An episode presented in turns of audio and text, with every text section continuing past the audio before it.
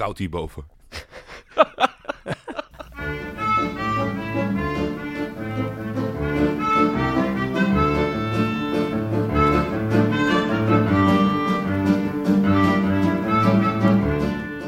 We keken dit seizoen al meerdere wedstrijden van de Nederlandse trainers in het buitenland.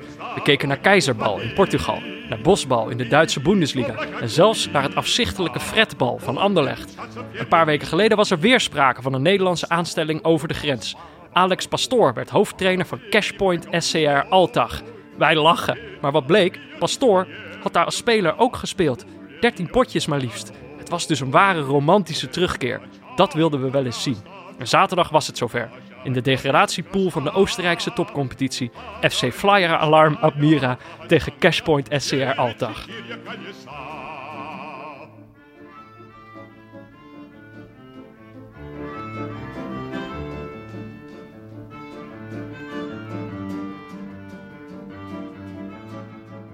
Ja, Jordi. Ja, Peter. Weer in ons, eh, ja, ik wou zeggen vertrouwde studio. Maar ze Nou. hebben het helemaal verpauwd. Als, je, als, ik, als er komen wolkjes uit mijn mond. Dan zijn we hier stoelen neergezet. Die komen bijna tegen het plafond aan. Jij staat. Ik ben, ga- ik ben maar gewoon gaan staan. Ik, Dat kon is geen niet- leugen. Mensen, Peter staat. ik ben gaan staan, want het, de- die krukken waren, die zijn hoger dan de tafel waar je, waar je hier aan zit. Of het is een soort deskachtig ding. Ik heb mijn kant gewoon een beetje omhoog gewipt. Die leunt nu op mijn benen.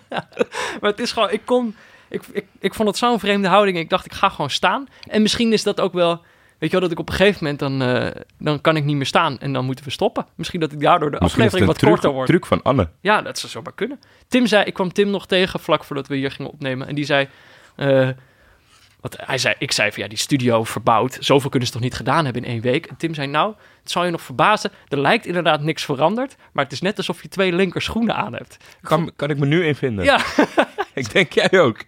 Ja, zo, zie je, ja, zo zit je er ook een beetje bij, Jordi. Alsof je twee linker schoenen aan hebt. Ja. Zo, ja, zo voelt me ook een beetje. Ik dacht verder, eh, het is weer lekker weer. Mhm. Ik, ik voel me weer helemaal optimistisch. En Ja. vrolijk. Ja. jij dat ook een beetje?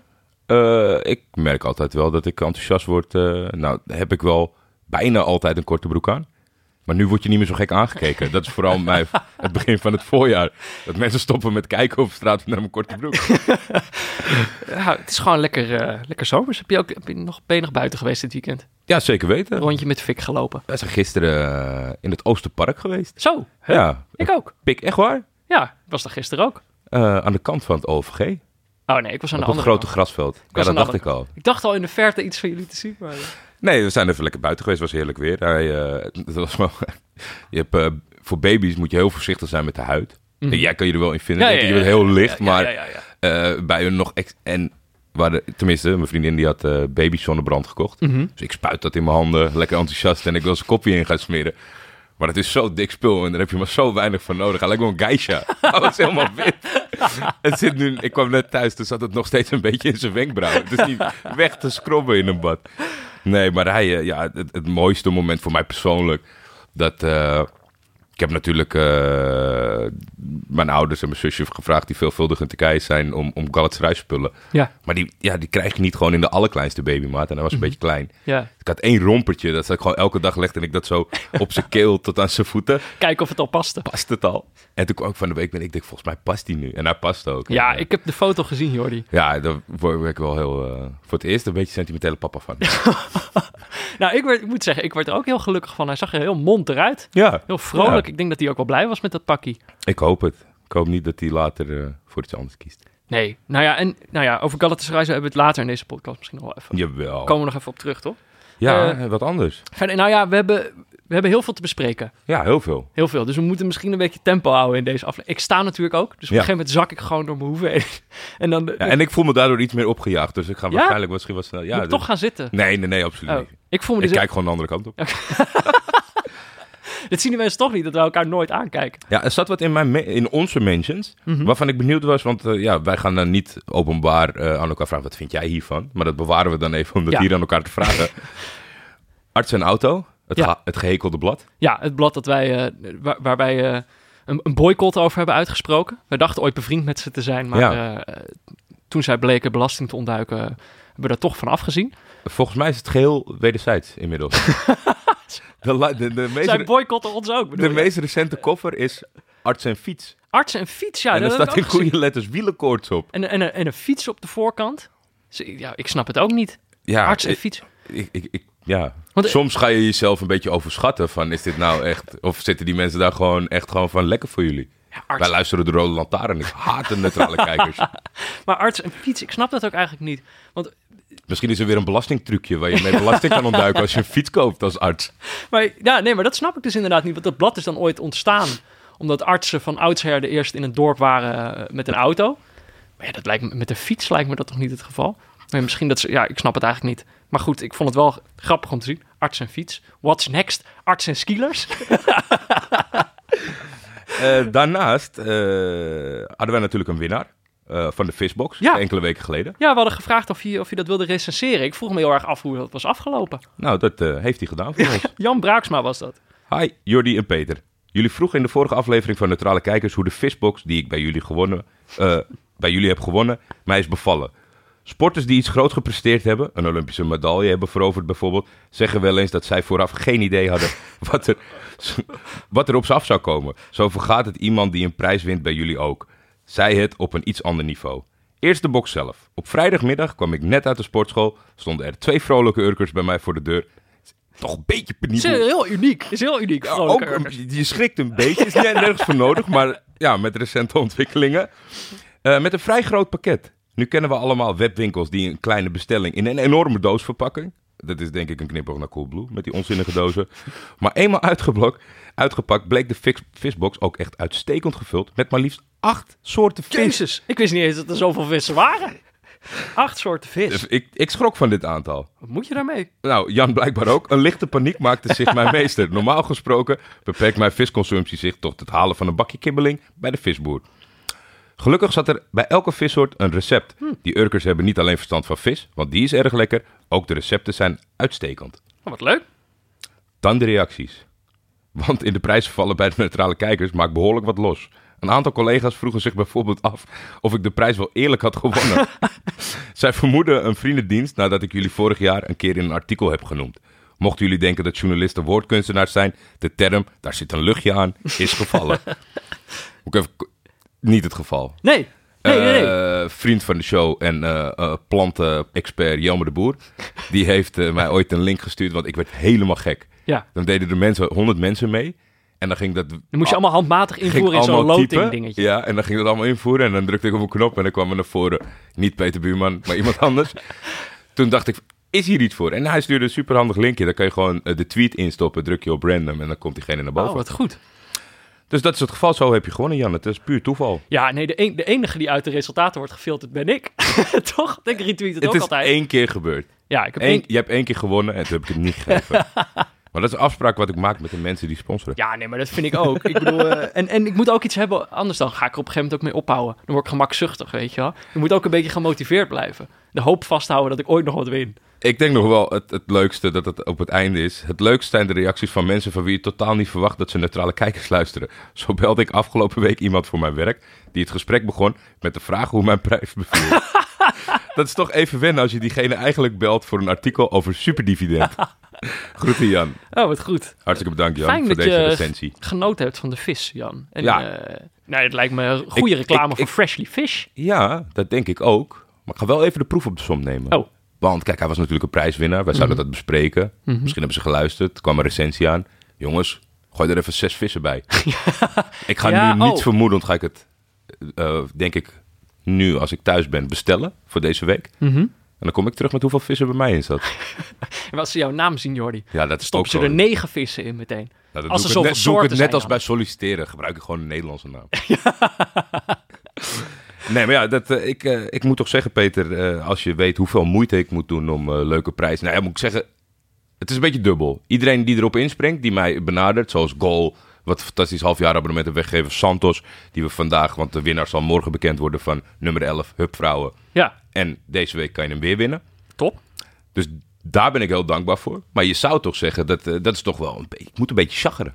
Om dat allemaal bij elkaar Ja, te regelen. je moet kruipen om dit Nou voor ja, elkaar te krijgen. Santos en Gold die zijn uit zichzelf gekomen. Voor de rest moet ik het wel eens vragen. En Hmm. Nou ja, als je, als je luistert, eh, weet dat dit kan. Ja. En dat het dus goed ontvangen wordt als je tenminste een goed product dan hebt. hebt. Ja, nee, dat, is, ja, dat maakt het misschien lastig voor veel. Je Ja. Daar haken heel veel mensen af. En denken ze, oh nee, shit. Nee, dat zijn wij niet. Ze zoeken toch iemand anders. We gaan rectificeren. Ja, eh, nou ja, kijk, ik, sla, ik vind het wel altijd leuk. Mensen beginnen de rectificaties altijd met een opmerking over dat ze het leuk vinden om te luisteren. Ja, dat, is een beetje, je doet eerst iets positiefs en dan iets negatiefs. Maar om dan het positieve voor te lezen, dat vind ik toch altijd een beetje lastig. Maar dit is wel een leuke rectificatie. Dit, eh, niet voor ons. Niet voor ons. Ja, daarom vind ik hem leuk. Dit is namelijk eh, rectificatie voor Pieter. En eh, ja, Ja, die zit nu al rechtop. Het is eh, vier uur waar hij woont, want eh, Pieter is een vroege luisteraar.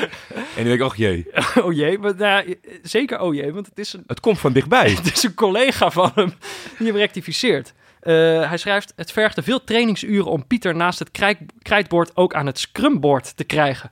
Met trots luisterde ik, luisterde ik naar zijn verslagen over backlog-sessies, conversieratio's en sprint reviews. Maar Pieter lijkt iets te veel in zichzelf te gaan geloven. een van de grondbeginselen van het Agile Framework is dat harde beloftes over de ontwikkeling en toekomstige oplevering van features uit den boze zijn. Immers, de roadmap dient te gaan over de doelen en niet over specifieke functionaliteiten. Ondertussen houdt Pieter doodleuk monoloog over dingen als over dingen die we dus gaan doen. Onjuiste stellingen, voorbarig en niet in lijn met onze iteratieve werkwijze, wat zou resulteren in teleurstellingen. De disclaimer dat Pieter met het gros van zijn minuutjes proefballonnetjes oplaat in plaats van zekerheden te, zekerheden te representeren, lijkt mij op zijn plaats. Ik vertrouw erop dat jullie Pieter hierop willen aanspreken. Groetjes, Thierry de Reus. Nou, Pieter, weet je ook meteen wie het was? Hè? Dan, kunnen jullie die... Ja, die- vind ik wel. Het is geen backstabber. Het is geen eh, anoniem eh, Nee, maar collega wel- van pieter.gmail.com. Nee, dat, dat klopt. Maar het is wel zeg maar via een, openbare podcast je hoofdredacteur corrigeren. Nou, je moet het maar durven. Het is gewaagd. Maar, maar ja, ik best, ik sta dat, er eh, volledig achter. Ik bedoel, als, als, Pieter, eh, als, als Pieter dit niet netjes doet, dan moet hij dat ook oplossen. Ja, ik vroeg aan jou of we tien minuten later konden beginnen om dit eh, te ontcijferen. Ik ben, ik ben halverwege. Ja, scrummen. Nou ja, als je dan toch scrumt, dan moet het wel goed gebeuren, vind ik. Ben ik het mee eens. En een rectificatie voor mij, toch? Altijd. eh ja, Nou, is schrik ik altijd van. Echte rectificatie. We hadden het Nee, vorige week over Halve verre, aanvulling. we hadden het over verre inworpen. En toen begon jij natuurlijk over Rory de Lab.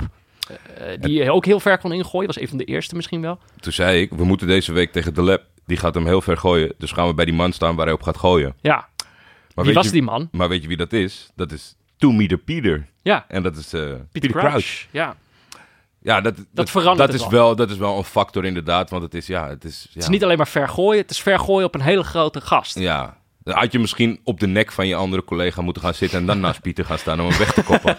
Maar ik vind het wel, het is wel leuk, zo'n hele specifieke strategie met twee spelers. Eén iemand die heel ver kan ingooien. En een hele lang lange gast die hem inkopt. Maar wat ik ook een leuke opmerking vond bij deze rectificatie is dat het op een gegeven moment, zeg maar, ploegen daar zo voor vreesden. eh, dat ze. eh, eh, dat ze zeg Ja. maar liever een corner weggaven dan een, eh, dan een ingooi. Dan heb je het wel goed voor elkaar, denk ik. eh, met met het, eh, ja, het extra strategietje wat je hebt verzonnen. Ja, maar dit was een leuke toevoeging van Daniel And- Andol, denk ik dat je het uitspreekt. Ik Ja. weet het niet. Maar dit was een leuke Hij is ook een collega van ons, wist je dat? Ik heb hem nooit geluisterd. Ik heb wel eens wat voorbij zien komen. Nee, Peter Crouch. Oh, Niet Daniel. ik schrok al helemaal. Die heeft een podcast bij BBC. Ja, je oh, zou dat toch zeggen dat dat groot genoeg is... dat dat wel eens op mijn radar was gekomen. Maar hij schijnt een kijkje te geven achter, het, achter zijn leven Ja, als misschien dat, dat, dat, dat wij toch niet goed genoeg de, de, de blik open hebben voor zeg maar, voetballers die ook nog wat anders doen naast het voetballen. Weet je wel, het over Mata. Ja, eh, waarover ik trouwens zei dat hij rechtstreeks naar, naar Manchester United ging. Dat was niet waar. Is tussendoor nog naar Chelsea geweest. Chelsea, ik zei ja. dat al heel aarzelend. Maar dat is wel leuk, die blogt. ja. Pieter Crouch heeft dus een podcast, heb ik nog nooit geluisterd. Pieter Crouch eens ook altijd wel ad rem op Twitter. Dat, dat weet ik wel al, dat hij dat al een tijdje... En hij Ja. heeft sowieso wel goede zelfspot. Volgens mij is hem ooit gevraagd wat hij zou zijn als hij geen profvoetballer was geworden. Had hij gezegd eh, maagd.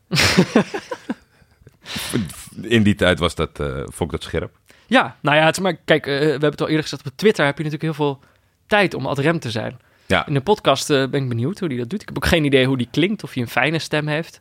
Hoe hele lange stembanden moet hij hebben. ik weet niet hoe dat klinkt. Ik ook niet, maar, Maar, ik, ik ga het wel eens een keertje kijken. Dan kom, Ja. ik, kom ik terug. Ik ben benieuwd. Eigen podcast bij de BBC. Nou, laten we dat eens een keer gaan luisteren. Verder? Een, een aanval op de notenbar. Oh ja, er worden allemaal... Ja, dat is natuurlijk het gevaar. Het was heel leuk om in de notenbar te zitten. Ik vond het echt genieten. Ik ook. Het was een van de, de, de favoriete afleveringen die we hebben gemaakt in al die tijd. Honingpekannoten. Holy shit, dat was zo lekker. Ja, jullie, hadden het, eh, jullie hadden het natuurlijk heel hoog aangeprezen. Ik dacht, ik dacht, ik moet het nog maar eens zien. En eh, Jesse had, eh, had al gezegd, zakje open, zakje op. Ja, Maar eh, nou, dat is echt heel erg lekker. dat is goed spul, hè? Het is heel goed. Het is een heel eh, verfijnde smaak, moet ik zeggen. Het is dus niet meer zoet. Absoluut niet. eh, maar het is, oh, het is zo lekker. En ik heb er dus, ik heb er, het was bij mij niet zo dat het zakje in één keer helemaal leeg ging. Nee, dat doe ik ook niet. het. Ik bewaarde het echt Ja. omdat ik het zo lekker vond. Maar ja, het- ik wil nou wel nieuw hebben. Ik moet nieuw spul. Dus ik moet er weer naartoe. Staat hij te, te trillen en te beven? Maar ehm, kijk, Nou, dat is het gevaar als wij bij je langskomen. Is natuurlijk wel, weet je wel, dat ook jij gerectificeerd kan gaan worden. En dat is, kom- overkomt Jesse nu. Hij had het namelijk, en ik weet niet of dat de terminologie van de notenbar is, of dat het de verwoording van Jesse is. Maar hij had het over de gemengde notenmix. Ja. En daar viel eh, eh, Martijn, die viel daarover, die stuurde ons een mailtje. Die zegt, ja, gemengde notenmix, dat is een beetje dubbelop. Weet je wel, mix en gemengd. En daar, daar ben ik het eigenlijk wel mee eens. Hij opperde voor of gemengde noten of een notenmix. Of een notenmix. Ja, ik, ik vermoed dat het ook een van die twee is. Maar Jesse, als je luistert, en dat is niet zo, eh, fix dat even, man. Toch? Dus als ik de volgende keer die, eh, die honing pekannoten kom halen, dan, eh, dan neem ik er een zakje gemengde notenmix bij. Waar je dus wel korting op. Of nee, niet gemengde notenmix. gemengde noten. Waar je dus wel korting op kan krijgen. als, je, als je zegt dat je een neutrale kijker bent. Absoluut. Toch? Ja, zeker. Dat is echt een fantastische deal. Ja, kort, je krijgt meer. Je krijgt bonus. Oh ja. Geen korting. Nou, eigenlijk krijg je dus 50 wel, eigenlijk Ja. krijg je dus wel korting. Terug, teruggerekend krijg je korting. Ja, maar je krijgt meer, inderdaad. Meer. Dus als je per se weinig wil, dan krijg je geen... Nou Het is ja, een, be- een beetje als deze podcast. dit stop ik. En er is nog een andere, dit was niet echt een rectificatie, maar meer een soort aanmoediging. Ik zeg in deze aflevering, of in deze afleveringen zeg ik best wel vaak van, oh, dat zet ik wel in de show notes. Ja, En dat vinden we dan een leuk woord en dan ha, ha lachen. En vervolgens zet ik iets dan doe nooit. je het niet? Heel vaak doe ik het ook wel. Vorige week hadden we het over een, over een, eh, over een liedje dat ze draaiden bij Middlesbrough tijdens de opkomst. Dat liedje had ik wel in de show notes gezet, zodat mensen het ook konden gaan luisteren. Ja, daarover één minuut, over één minuut veel meer. Ja, maar ik vergeet dus ook nog wel eens dingen. Eh, ja, wat was het nou? Eh, ja, bijvoorbeeld over die vissende Limburgers die dan in een klapstoeltje bij die voetballers van MVV die in, de, in een, in een campingstoeltje frellen gaan vangen bij een visvijver. Toen zei ik, oh, dat zet ik in de show notes. heb ik nooit gedaan. Maar ik zet hem in deze show notes. Wat dacht je daarvan? Ik heb het al gemaild naar Julian. Ja, maar ik bedoel, dan kunnen andere mensen die, dit, die hetzelfde probleem hebben. Ja, maar en andere mensen gaan gewoon naar. YouTube en die typen MVV, Jury Schroeien en eh, Forel. En die vinden dat gewoon.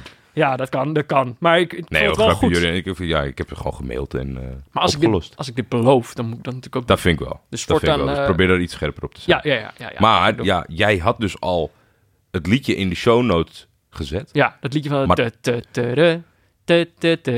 Toch vonden 633 mensen het nodig om naar mij toe te sturen over welk liedje ik het had. En ik, zat, ik had het ook goed. Het was Unox. Het was een filmpje uit 2001 met pinguïns die het water springen.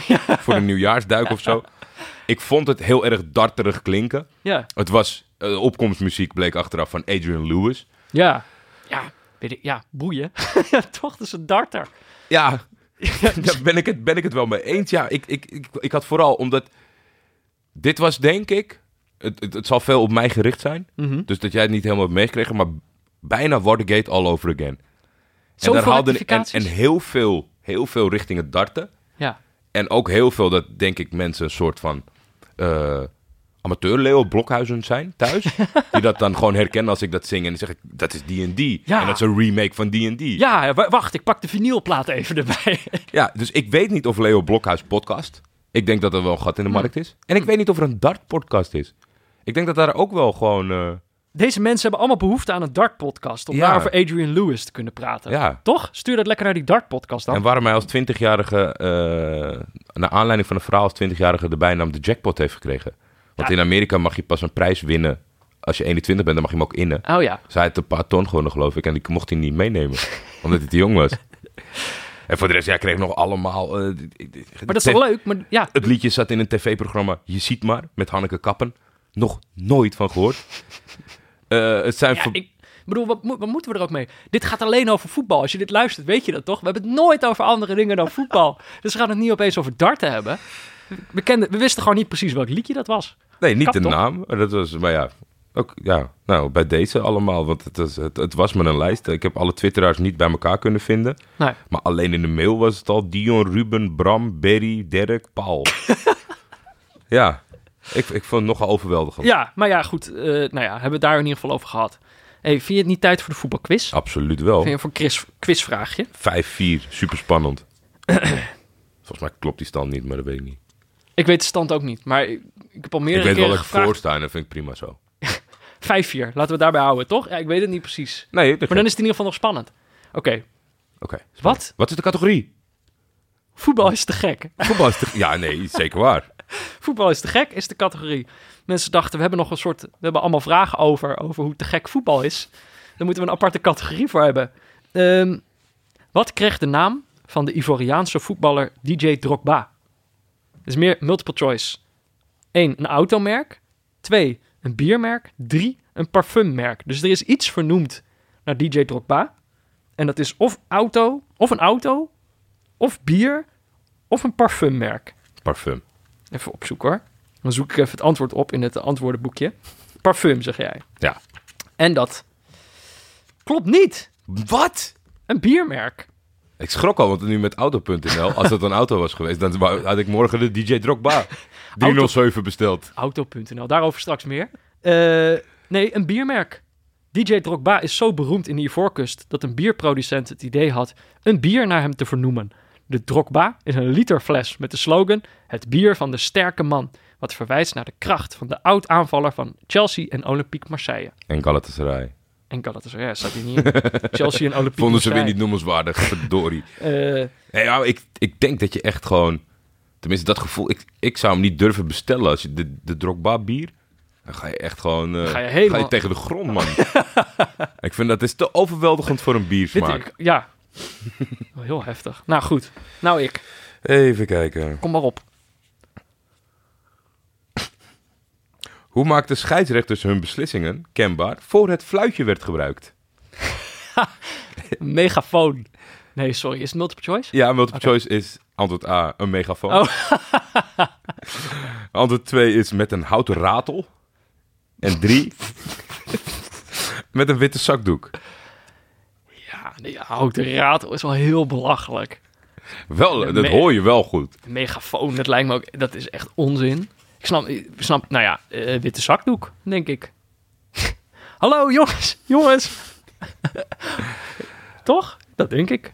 Het staat gelijk. Yes. Met een witte zakdoek. Het scheidsrechtersfluitje deed zijn intrede rond 1870. Daarvoor vroegen de scheidsrechters aandacht door te zwaaien met een witte zakdoek. Niet zo handig. Wist je dit? Scheidsrechter, een scheidsrechter legt tijdens een wedstrijd zowat 13 kilometer af. Ja. Ja. Leuk weet je. Ja, maar dat heeft toch ook helemaal niks met die vraag te maken. Ik vind jullie best raar, Ja, voetbalquizmakers. hè? Die zijn niet helemaal goed. Een rare toevoeging Maar- op het. Het staat wel gelijk, denk ik. Of Ja, niet. ja. In ieder geval, Ja. eh, bij de, de stand die wij hebben bijgehouden, staat het inmiddels gelijk. Daar ben ik heel blij mee. Ehm, ja, we hebben deze week een fantastische wedstrijd gekeken. Het was Zeker. natuurlijk een weekend vol topwedstrijden en wij hebben een echte topwedstrijd gezien. Eh, tussen de Alpen, zeg jij. Misschien gaan mensen dit later nog rectificeren. Maar eh, ik vind het, ik vind het te mooi om te checken. Tussen de Alpen. Ehm, Klinkt maar, goed, toch? Klinkt gewoon fantastisch. Maar we kunnen dit voor het eerst sinds tijden weer een keertje zeggen. Het is eerst tijd voor een woordje van onze sponsor. Jee.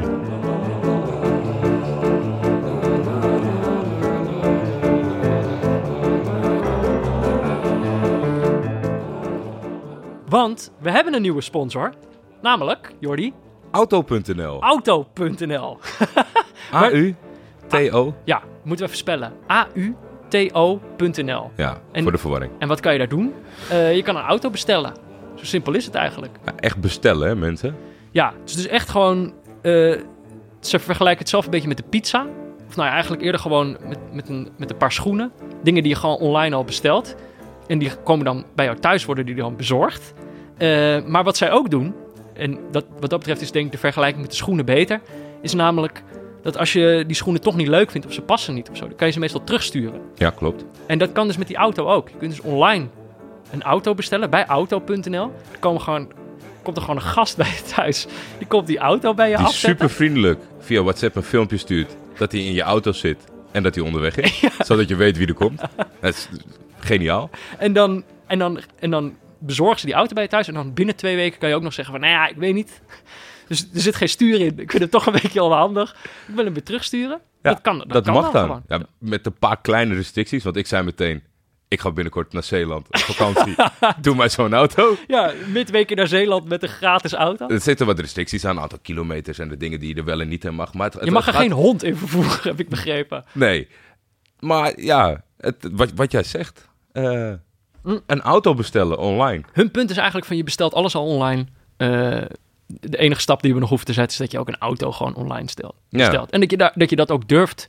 Weet je wel, het is toch eh, voor heel veel mensen denk ik eh, een beetje spannend om naar de dealer te gaan. en dan weet Die je, hebben daar ook een bepaalde reputatie. Precies, er hoort ook een bepaalde verwachting bij. Ja, je Want voor de goede orde, je kan niet naar auto.nl. Wij wel, maar de klant kan niet Oh, naar auto.nl. Ja, je kan er wel naartoe surfen op het Ja, internet. surfen, ja. Maar je kan niet letterlijk ergens naartoe of zo. Nee, Dus je, online hebben ze dan gewoon zo... Er staan allemaal auto's, die kun je dan bekijken. En dan kun je zeggen, nou, doe me deze maar. die ziet er goed uit. Die ziet er goed uit. Die, En dan de, klik je, ik wil hem in het zwart of in het blauw. Of, eh, die heeft de stuur. die wil ik. Maar ja, dus... ehm, eh, je dat ziet dat, jij een fietser bent. Je bent heel erg gefixeerd op het stuur. Bij een. Er zijn meer dingen in de auto die van belang zijn. Heb je ramen?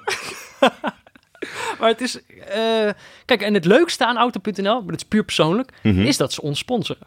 Vanaf Dat, nu. dat, vind ons- ik het, ja, Dat is gewoon het allerleukste. het belangrijkste ook eigenlijk, Eigenlijk het belangrijkste. Dat is alles wat je moet weten. wel. Ja, Maar in ieder geval, eh, eh, wat wij voor je gaan doen, Jordi, is dat wij wekelijks mogen Mhm. wij de titel Auto.nl Speler van de Week uitreiken. Ben ik heel blij mee. Ben ik ook heel blij mee. Dat hadden we, dat, die hadden we nog niet. Nee. Maar als je, dan toch, als je dan toch een Speler van de Week gaat kiezen, dan moet je hem meteen laten sponsoren, vind ik. Toch? Ja, je hebt, een- je hebt een grote vijver om uit te vissen. Net als in het auto-assortiment. In zo'n weekend met auto's. Of eh, met wedstrijden. en eh, dan eh, ja, heb ik nu de taak om een, een, een Auto.nl Speler van de Week uit te kiezen. Ja, en je En hebt al gekozen. Ik heb deze week gekozen. Die kwam s s'avonds laat binnen. En dan heb ik eigenlijk, want ik, ik wil in de aankomende weken dat dan wel een beetje kunnen uitleggen, weerleggen. En weet je, om, dat het niet zomaar is. Dat mensen wel denken van, nou ja, terecht dat die jongen speler van de week is geworden. Maar Ja. bij deze was ik zo snel overtuigd. Het is geworden Hatem Ben Arfa. Oké. Ik denk Waarom? een van de meest natuurlijke dribbelaars die er, die er rondloopt. Mhm. Eh, Een genie. Ik denk als teamgenoot zou je wel eens gek van hem kunnen worden. Dat je zegt, ik sta hier, speel maar in, ik sta helemaal vrij. Want wat hij gisteren bij Ren doet, hij zit tegenwoordig bij Ren aan. Ja. Ja, toch wel een soort van vervelende tussenstap bij Paris Saint-Germain. Sowieso wel een veelbewogen carrière, toch? Ja. Nog bij Newcastle heeft hij gezeten, volgens mij. Ja, en altijd, altijd een beetje net niet daar even een tijd in vorm dat je denkt van deze jongen is misschien wel een van de betere voetballers. Altijd tegen het Franse elftal aangezeten. Een heel pure voetballer, toch? Echt een pure voetballer. En, dat, en eigenlijk nog wel dat hij zo goed is. Want zijn type speler gaat eigenlijk niet meer mee in de Mhm. moderne tijd. Maar dat hij toch nog steeds redt. En eh, nou, wat ik zeg, hij is nu bij Ren beland. Doet dat goed. En gisteren deed hij wat hij wel eens vaker in zijn carrière heeft gedaan. Een heel elftal dolle.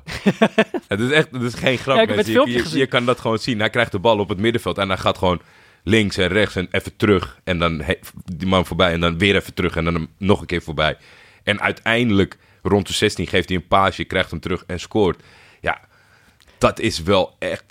Het, het, is, het is anders. Het is Messi bijvoorbeeld. Zo, zo buitenaard dat je denkt van... nee, die gozer loopt gewoon maar door. Niemand kan hem afstoppen. Ja. Dat, dat is het niet. Maar het is zo pleintjes op het ultieme bizarre hoge niveau. Maar dat is ook precies eigenlijk een beetje het punt bij hem, toch? Misschien juist het... eh, eh, eh, je kunt denk ik alleen maar zo voetballen als je je lekker voelt. Toch? Uiteindelijk wel. Ik denk dat hij weer bij een club is beland... waar hij het vertrouwen heeft gekregen om gewoon te doen wat hij kan. Ja. En vertrouwen geven, Jordi, dat is wat Auto.nl ook wil.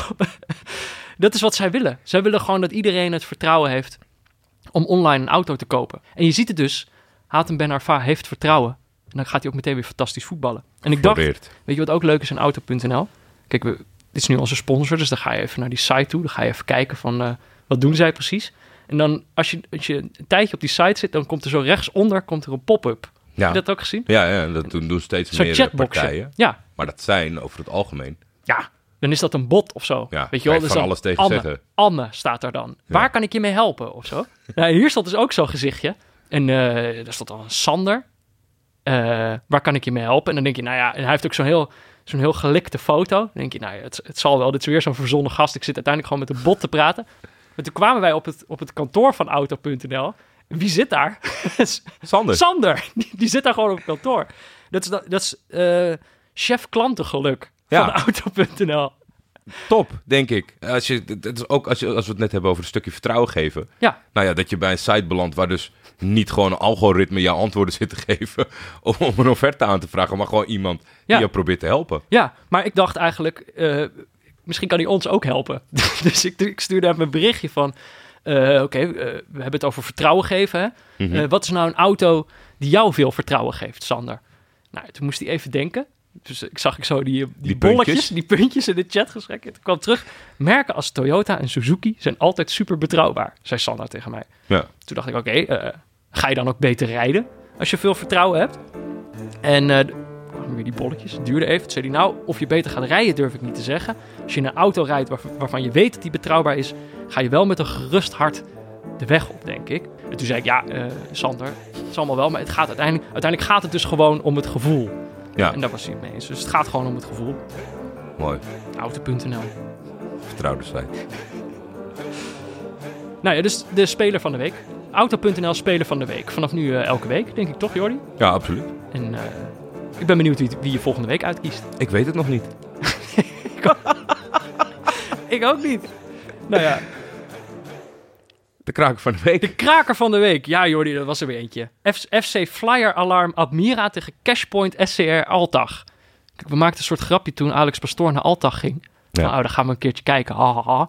Maar toen stuurde jij, stuurde jij dit, eh, dit affiche door, deze wedstrijd. En ik moest gewoon lachen om die teams. Die teamnamen eigenlijk. Ja, ik moet de credits wel geven aan eh, Michiel Jongsma, een trouw luisteraar. Oh, had je, eh, had die getipt? En die, die stuurde mij eh, dat, omdat wij daarover aan het ja, verzinnen waren. Wat zullen we eens gaan kijken? Misschien wel Alex Pastoor. Toen kwam hij dat deze week deze kraker op het programma stond. Waarvoor hartstikke bedankt, Michiel.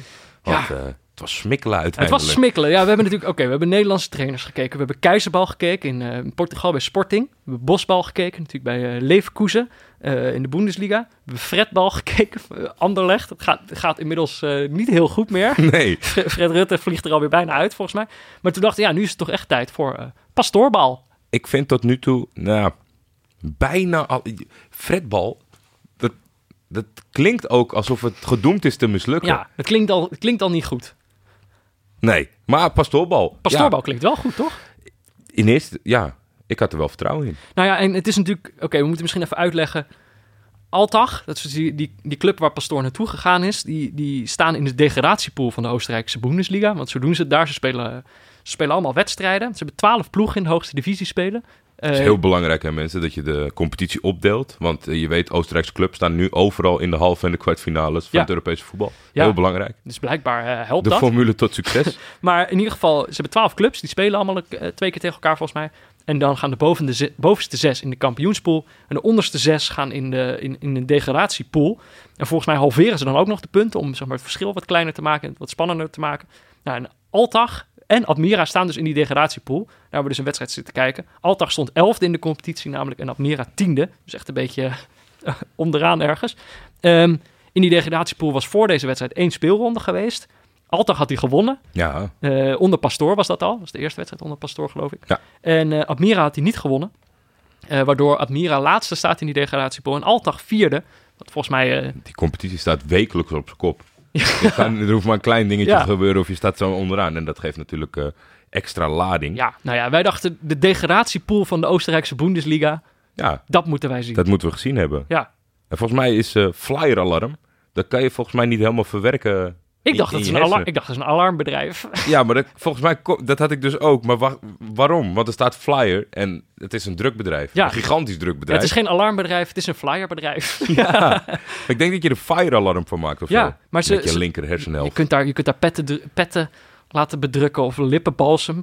Maar ehm, Cashpoint is wat dat betreft wel duidelijker. Dus Ja. de Cashpoint SCR Altag, de club van Pastoor. Cashpoint is gewoon een, wet- een wetkantoor of zo. Ja. En hun stadion heet ook de Cashpoint Arena. Daar speelden ze niet. Ze speelden in, in Muddling, waar Admira vandaan komt. Gigantisch stadion. wat was het? 20.000 man of zo? Nee, nee, nee, nee. nee. Ik, ja, ik, ik, ik 10.000 zei tegen jou, ja, ontzettend ambitieus. Want het stadion heeft een capaciteit van 10.500, geloof ik. Ja, En die plaats heeft 20.000 inwoners. ja dan Dus moet de helft. dan moet de helft van het dorp elke keer naar die wedstrijden komen. Ja, Het lijkt me wat hoog ingezet. Ja, Het was helemaal leeg ook. ja. het En uitvak zaten tien mensen of zo. Ja, met tien stewards. Dat was één op één. Dat je, dat je naar je werk komt en je- Oké, ik pak die linker. Ja. Jij die met die bril. Ja, nou ja, kijk, wat dat betreft de ambiance. Nou ja, er was wel, er, er, Er was een sfeerhoekje. er was een sfeerhoekje met een, eh, eh, hoe zeg je dat? Een dweilorkestje. Ja. Toch? Ik dacht echt dat ik, dat ik het schaatsen. geluid had van schaatsen, van Tialf, Ja. onder deze wedstrijd gemonteerd. Ja, dat was eh, niet te harde, maar blijkbaar vinden ze het, eh, net als bij het Nederlands elftal, fantastisch in het Oostenrijks voetbal. Maar ze speelden ook allemaal deuntjes als eh, Oranje boven. Ik dacht, doen ze dat nou speciaal voor, eh, voor Alex Pastoor? Weet je, als je dat nu meteen al gelijk- Maar ja, waarschijnlijk is het gewoon een deuntje dat, dat veel internationaler gebruid wordt. Het zal wel ook wel dat redelijk zal oud zijn. deze week weer vol in de mailbox staan. Ja, nou ja, maar daar neem ik dan alvast een voorschot op. Het, is, het komt volgens mij echt al uit de 19e eeuw. Dus eh, ongetwijfeld heeft ieder land daar wel zijn eigen liedje op. Maar we, dat hoorden we daar dus ook op de tribune. Dus het voelde wel een beetje als thuis. Weet je welk gevoel ik ook had? Je kon op de achtergrond kon je soms de bergen Ja. zien. Er waren best wel mooie shots. In de rust was er geen analyse of zo. Het was gewoon een shot van het stadion. Met op de achtergrond die bergen. Had jij commentaar? Nee, Ik ook niet. nee. Nee, het was echt een hele struggle om dit te vinden. Om te kijken of dit ergens werd uitgezonden. Uiteindelijk toch gevonden. Maar het deed mij een beetje denken aan... Je hebt soms, volgens mij overdag op, eh, op Canvas of zo... een andere Belgische zender. Daar zenden ze dan gewoon een paar uur webcams uit van eh skipistes. Ja, Daar- skiliften vaak. Skiliften, ja. Gewoon, en er gebeurt dan niks, weet je wel. Maar je hebt wel gewoon een soort... Een muziekje op de achtergrond en je ziet af en toe iemand eh, uit Precies. een lift vallen. Als je geluk hebt. Als je geluk hebt. Als je goed kijkt. Maar de, eh, ze wisselen steeds van plek. Maar dat gevoel had ik hier een beetje bij. Ja, en dat heeft ook wel een beetje te maken met het spel uiteindelijk. Ik moet ook eerlijk toegeven dat altijd de grote mond, veel spelers kennen en dat soort dingen. Ik ken de, van de beide opstellingen een heleboel namen, omdat ze ook andere mensen die namen dragen. Ja, Zoals Berisha bijvoorbeeld. Berisha en Anderson en Schmid, dat, dat kan je wel Ja. invullen. Maar dat waren niet deze. nee. Ik kende er nul. Ik kende er ook nul. ja, ik dacht dus dat ik Berisha kende, maar dat is, volgens mij zijn er meerdere eh, eh, jongens met Kosovaarse achtergrond, geloof ik, die die, die, die naam hebben. Ja, oh ja. En volgens mij komen ze ook voor, komen er heel veel komen ook van Red Bull Salzburg. Dus ook deze jongen. Maar ik kende helemaal niemand. Nee, Maar heb dat, ik, nu- ik kan me niet herinneren dat ik een wedstrijd heb zitten kijken waar, eh, waarin ik niemand kende. Zelfs met neutrale kijkers, waar we toch wel eens wat geks kijken. Ja, daar hebben we wel heel gekke dingen gekeken. was heel een hele nieuwe ervaring was dat. En wat ik heel erg verwarrend vond, is dat de tribune was wit met zwart. Ja. En daar stond Admira op. Ja, Maar Admira speelde in het rood ja. en Alta speelde in het zwart met wit. Ja, dus in het begin was dat ik heb nog tien minuten lang gedacht, hè? Wat, hoe kan dat nou? Dat was echt heel verwarrend. Ja. Ondertussen was jij ook al afgehaakt, want jij zat te chatten met andere mensen. Nou, nee, ja, ik zat niet te chatten. Maar je hebt meestal als je, als je illegale stream vindt. eh, en dat- zoek je soms, soms echt de allergekste uithoekjes. Dan staat er soms naast die stream staat er dan ook een chatbox. Nou, en als je het dan hebt over het afvoerputje van het internet. Dat is dat meestal wel. Wat mensen daar tegen elkaar zeggen. Het zijn ook mensen die hebben niks met elkaar te maken. Die komen elkaar alleen maar tegen omdat ze, omdat ze dezelfde stream zitten te kijken. En dan gaan ze elkaar gewoon de ergste dingen volschelden. Ja. Vaak ook anoniem. Maar, en hier staat dus ook een chatbox naast. Waar het eh, gewoon, daar gebeurde gewoon helemaal niks. Want niemand zat die stream te kijken. Ik denk gewoon alleen wij twee. Ehm, maar er stond nog wel een gesprek van de avond daarvoor. Stond nog in die chatbox. En ik zat het op een gegeven moment te lezen. Omdat, ik- omdat ik afhaakte van die wedstrijd. en het was echt hartverwarmend. Ja, En sterker nog, het was ook nog eens een, het was een Ajax-fan en een Feyenoord-fan. De Feyenoord-fan die, die schreef... Ik ga er maar even vanuit dat de Feyenoord-fan is, want hij schrijft onder de naam Onno Shinji. Wat toch een, eh, een oud Feyenoord-voetballer is en heeft ook een Feyenoord-logo. En die was aan het chatten met Maxi Cosi. Dus zo heette die andere dan.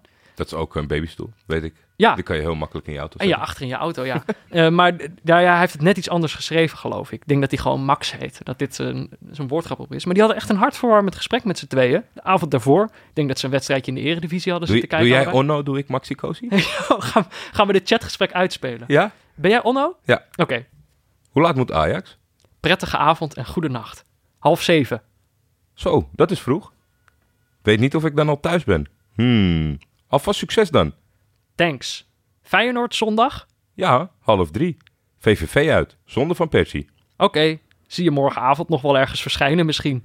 Ben ik ben ook naar mijn nest. Tot volgende. Laters. Trusten. Dit was toch hartstikke lief? Ja, dat is een van de... Een Ajax en Feyenoord fan die zo... Ja, toch elkaar hebben gevonden in een chatbox van ik- illegale livestreams. Ik ben niet terug gaan scrollen. Ik dacht, ik hou het alleen hierbij. Want hierdoor kon ik nog een soort De fantasie in...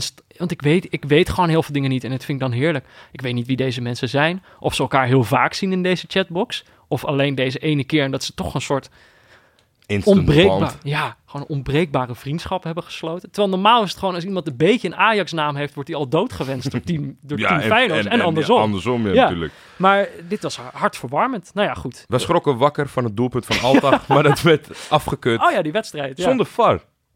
Ja, Lang geleden dat we iets afgekeurd hebben zien worden zonder VAR, denk nou, ik. nou ja, voor, er was ook afgelopen weekend weer, weer discussie over. Natuurlijk, normaal moet je altijd even wachten. Dus je wacht even eh, met vlaggen bijvoorbeeld. Ehm, dus ik merkte dat ik als kijker daar ook aan gewend ben. Ja, Eh, en dat je dan toch eh, leunt zien op we het daarna wel. Hier doen ze dat niet. Degradatiepool van de Oostenrijkse Bundesliga vertrouwen ze nog volledig op de assistent. Die het En- ook gewoon goed had. Had helemaal goed. Ja. Maar enkele minuten later was daar een prachtige goal. Gekopt in het verkeerde doel. ja, dit was echt... Ik vond Zonder geen enkele aanleiding voetbaltechnisch. zo bizar. Er, is een soort, er is een, was een, eh, voor, of een vrije trap van eh, Admira. Dus, Ja, eh, redelijk vanaf de zijkant. Ja. Niet helemaal de lijn, Dus maar die slinger je voor en dan hoop je dat een speler van Admira die dan ook binnenkopt. Maar er komt het is een vangbal voor de keeper. Ja. Maar de verdediger die voor de keeper staat, die besluit om hem keihard naar achteren te koppen. Ja, die kopt hem gewoon keihard in zijn eigen doel. Echt gewoon eigenlijk feilloos, technisch top. Alleen dus in het verkeerde doel. En Maar ik zag dus weinig, weinig ongeloof. En daardoor schrok ik en maakte ik me, want het was de 18e minuut.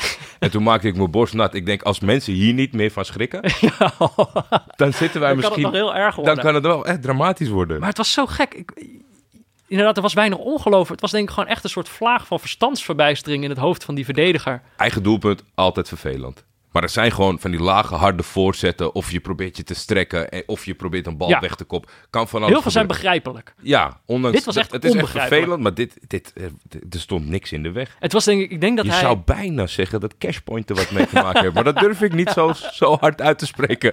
Ik denk, wat ik denk dat er gebeurd is, toch, dat is misschien de iets vriendelijkere interpretatie. het is gewoon, hij had twee ideeën. Hij had twee ideeën van wat hij kon doen. En uiteindelijk bleef hij in het midden hangen. En daardoor, Ja. en daardoor kopte hij, hem, mis. kopte hij hem in zijn eigen goal. Hij was heel zielig. Nou, hij stond Alex Pastoor achter. Merkte toch, was ik toch niet helemaal neutraal. Ik hoopte toch dat, dat we daar iets leuks van zouden gaan zien. Ja, daar leek het heel lang niet op. Ik vond eigenlijk, vaak begon het wel goed of zo. En dan toch, ik een buitenspeler die dan heel handig is. Die dan wel een speler door de benen kan spelen. Ja. Maar dat die dan ook gelijk over de achterlijn gaat en zo. Dus het was... De eerste ingeving was altijd wel goed. Maar daarna ging het eigenlijk vrij direct mis. eh. Ja, en dat, dat, dat, had, dat gevoel had ik exact bij, denk ik, eh, de grootste kans van de eerste helft. Daarna nog een 37e minuut. Was er een eh, ja, redelijk goede bal. Waarvan je denkt, omdat de, de, de spits voorop liep, van nou, appeltje, eitje. Mhm. Misschien dat de keeper nog een, een, mooie redding kan. Maar die, die werd aan twee kanten ingehaald en schopte toen in de grond. Ja. Nou ja, en ook echt in de rust of zo... hadden ze allebei drie keer geschoten. Admira één keer op doel. En eh Altag nul keer. Ja. Toen dacht ik ook, nou, we hebben wel weer een, eh, een spektakelstuk uitgekozen. Nou ja, kijk, we gingen natuurlijk gewoon... We hebben er zelf voor gekozen om, om de degradatiepool van de Oostenrijkse Bundesliga te gaan kijken. Maar toch was ik een beetje teleurgesteld. Ik dacht van, nou ja, er mag nog wel iets meer gebeuren. Maar Toen langzaam werd toch wel de hand van Alex Pastoor zichtbaar. Altag ging wat met wat meer vertrouwen voetballen. Ging Ja. wat meer aanvallen.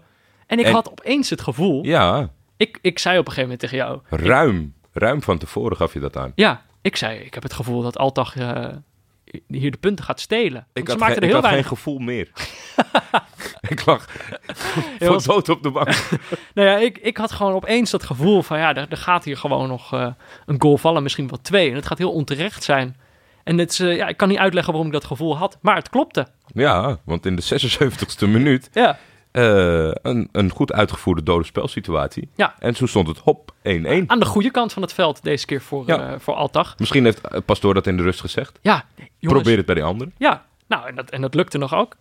Eh, ja, ik, en toen dacht ik nog, Het zat er ook wel in. Altag kreeg wat meer vertrouwen en in de slotfase wel iets. Ja, kijk, uiteind- het, was, het voelde aan het einde al als een gestolen puntje. Mhm. Maar in de slotfase had het nog zelfs erger kunnen, of tenminste Ja. beter kunnen uitpakken. Want toen hadden ze de overwinning eh, kunnen binnenslepen. Ja, ja, ik weet niet. Ik had opeens zo'n ploeg die dan eh 70 minuten lijkt te slapen. En dan opeens eh, wordt er iets wakker en dan, en dan kunnen ze het wel. Ja, Heb jij Pastoor nog gezien in beeld? Ja, de- de- de- die, die vaste camera's zijn niet ideaal, want dan krijg je niet even een shotje van dichtbij. Ik, Mhm. ik zag dat hij een eh, babyblauwe pullover aan had, over een donkerblauw overhemd. Ja. Zeer chic.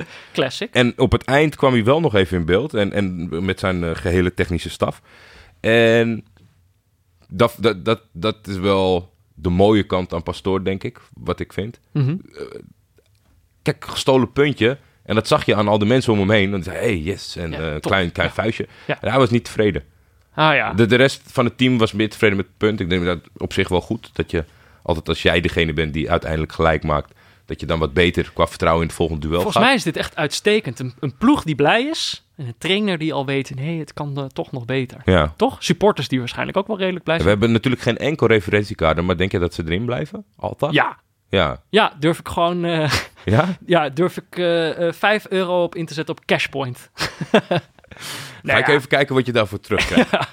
Niet zo heel veel, denk ik. Ik weet ook niet of de onderste twee degraderen of alleen de onderste. ja. Ik denk de onderste twee. Hij heeft, eh, we weten nog niet wat hij doet. Want eh, volgens mij heeft eh, Alex Pastoor een column bij het Noord-Hollands Noord-Holland Sport, Noord-Holland Dagblad. Ik weet het niet. Een Zo- dagblad. Ja, en dat, dat, daar schrijft hij veel en, en, en persoonlijk over. Mhm. En hij maakt alleen dit seizoen af. En daarna weet hij het nog niet, want zijn gezin is gewoon in Nederland. En daar ging het volgens Oh. mij deze week ook over. eh. Oh ja, ik vroeg me dat nog af in, in hoeverre, zeg maar, dat een leuke plek is. Kijk, het, op zich met die bergen op de achtergrond is het, is het wel mooi of zo. Maar ja, eh, omdat hij daar ook al gespeeld had, dacht ik van misschien, misschien dat hij toch op een bepaalde manier heimwee had naar die plek of zo. Dat hij dan denkt, oh dat was echt een heerlijke tijd toen ik daar ja, dat- 13 dat- potjes ja, heb gespeeld. ik merk wel als je heel vaak eh, Ik Vertrek kijkt. Dat zijn best wel vaak Nederlandse gezinnen die dan naar Oostenrijk vertrekken. En dat je dan echt denkt van, ik ken meer mensen dan dat daar in die woonplaats woont. En dat vind ik een gek idee. Ja. Dat je ergens woont waar je uiteindelijk dus, was, denk ik, iedereen kent. Echt. Nou ja, we gaan, het, we gaan het straks nog hebben over een trainer die, die in het buitenland aan de slag gaat. Ook een Nederlandse trainer. Misschien, Ja, dat, we dan, misschien dat we dan iets, iets, iets, iets meer focus op, de, op dit vraagstuk eh, kunnen, we, kunnen, kunnen krijgen. Tot slot. Was dit een goede wedstrijd voor de neutrale kijkers? Ja, ik, gedurende de wedstrijd bedacht ik ja, eigenlijk alleen eh, niet echt. Het was niet leuk om naar te kijken, maar als statement was het wel echt een, een wedstrijd voor Een de neutrale kijker. Nou ja, in zo'n weekend, weet je wel. eh Er Bayern, was verder niks.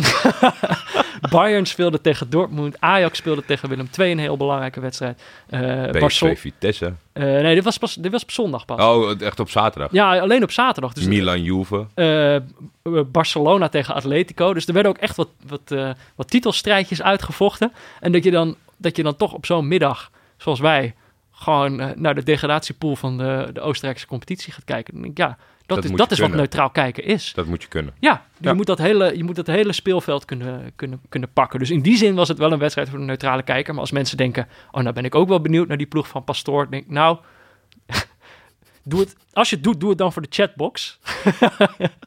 verder verder valt, er, wei- valt er weinig te halen, toch? Ja. Maar eh, nou, het was wel leuk. Weet je wie ook leuk is?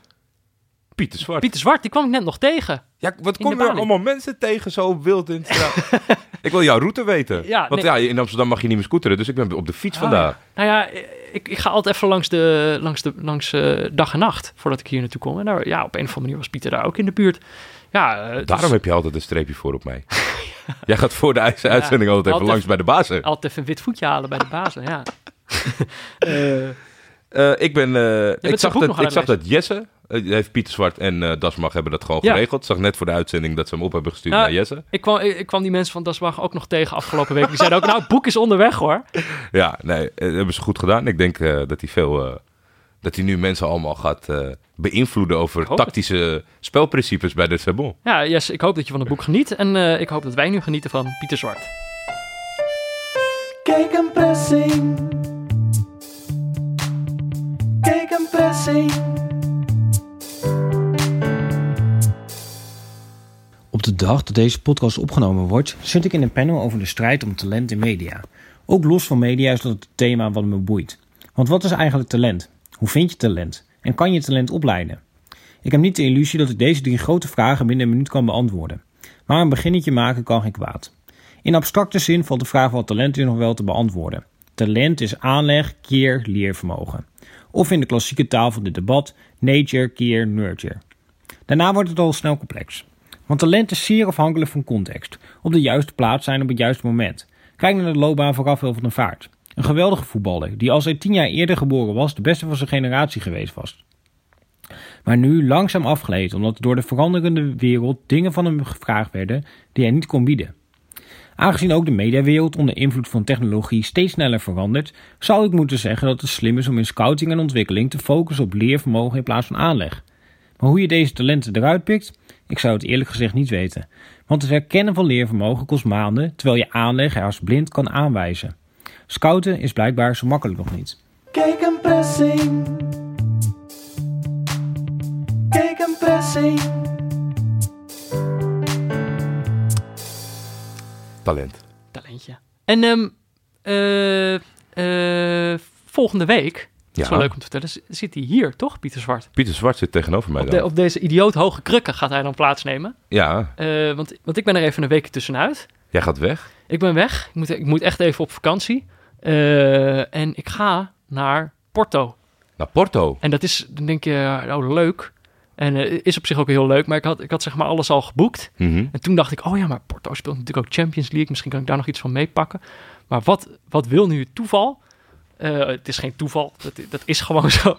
Op, op dinsdag, eh, de dinsdag voordat ik ga, morgen, morgen dus voor de luisteraars vandaag, spelen ze tegen Liverpool. Ja, Uit in Liverpool. ja. En de woensdag nadat ik zeg maar, de woensdag dat ik terugkom, Spelen ze thuis. spelen ze thuis. Dus ik, ik, waarschijnlijk pak ik nog net wat dronken Engelsen mee. Maar die wedstrijd kan ik daar niet meer beleven. Nee, ik denk dat je het hè? graag andersom zou hebben gezien. Die Ja. dronken Engelsen kunnen je echt altijd gestolen worden. Ja, maar ja, eh, verder, eh, ja, ik weet niet. Ik denk dat, we dat we wel van het stadje gaan genieten. Leuke stad. Ja, toch? Ik, Ja, absoluut. eh, Dan kan je nog wel een tentje tippen op Oh. de Hoofdstraat. eh, voor een, eh, wij gingen daar volgens mij de eerste van de drie avonden even snel nog wat eten. mhm. Ja, uiteindelijk zijn we drie avonden daar blijven zitten met eh, een lekkere versnapering en eh, wat top. hapjes. Dat is, eh, nee, ik vind het een ontzettend leuke stad. Nou. Het is zonde, want volgens mij is zo- zo'n wedstrijd in Portugal is ook echt heel goedkoop. Zelfs Ja, als het dan tegen Liverpool is. Waarschijnlijk dat is wel een mooie vol, bijkomstigheid. Nee, ik denk het niet hoor. Nee? Nee. Estadio Dragao. Nou ja, ik had er wel een keer... ja, ja, ik dacht er net te laat aan, anders hadden we net Spelen ze dit weekend thuis? Eh, nee, nee, heb ik ook nog gecheckt. Spelen ze Ook uit? nog? Ja, nee, het zit me niet mee. Het Nee. zit me niet mee. Maar ehm, oké, eh, los hiervan. Pieter omdat Zwart komt volgende week. Pieter Zwart zit dan dus hier in de studio. Ik ga hem vertellen welke wedstrijd hij moet kijken. en dan... eh, Je gaat hem dwingen iets verschrikkelijks te kijken. Ik ben benieuwd ja. hoe hij daarmee omgaat. ik laat hem de intro schrijven en oplezen.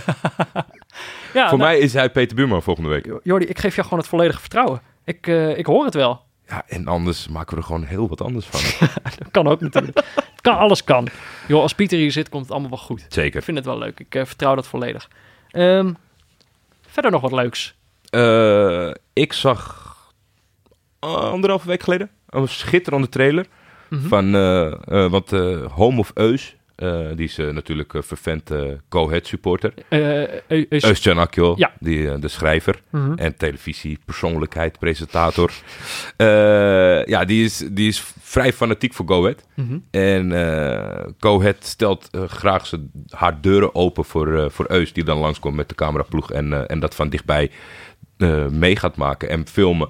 En dat was Home of Eus deel 1 en dat is gewoon op het YouTube-kanaal van Go Ahead Eagles. En dat Mhm. heeft een vervolg gekregen. Trailer zag er eh, imponerend uit.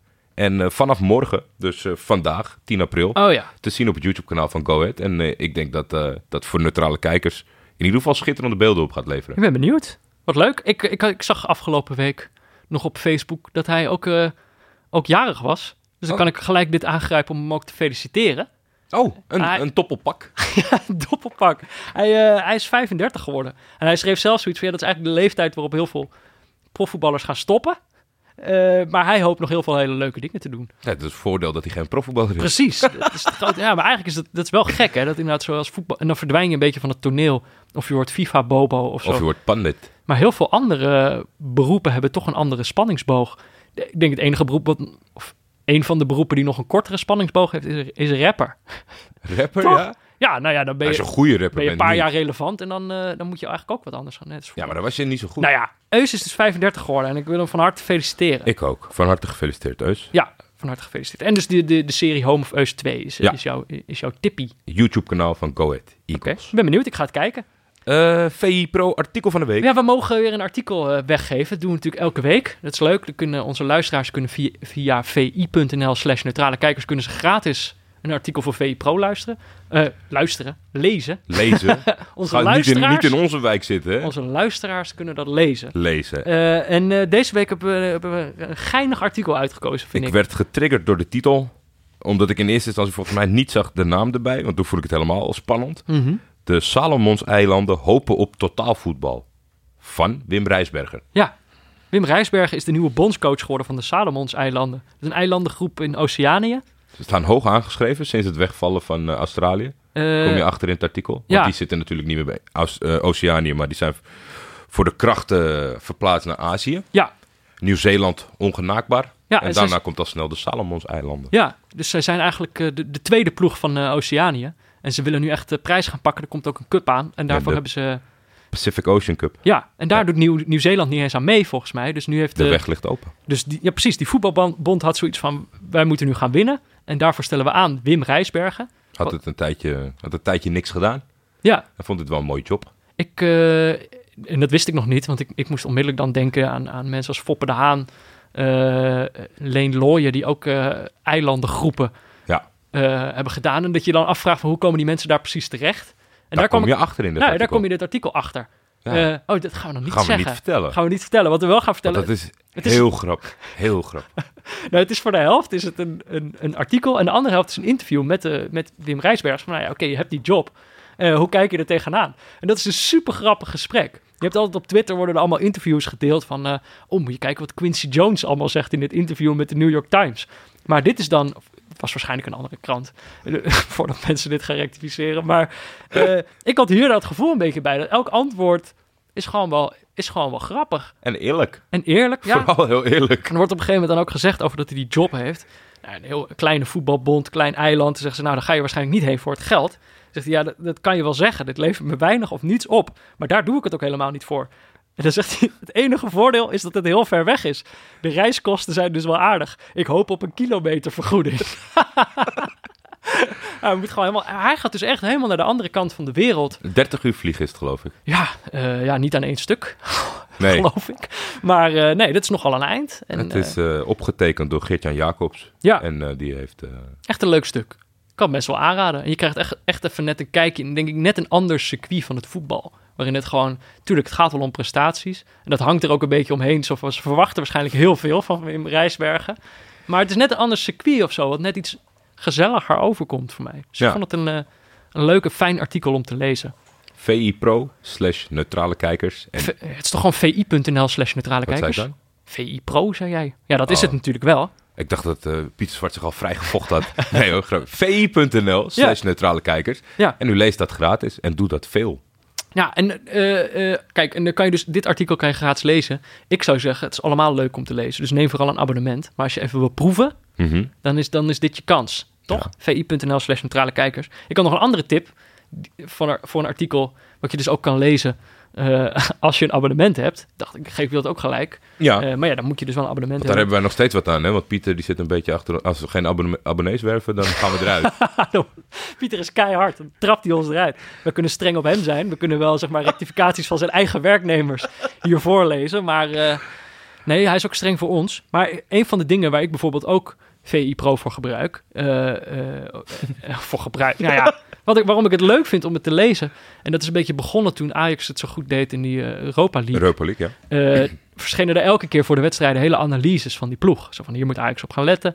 Eh, en, en wat dan grappig is op zo'n boekpresentatie van Pieter Zwart, kom je er dan achter dat Peter Bos die artikelen ook las. Mhm. En, en daar dan ook dingen uithaalde die hij kon gebruiken.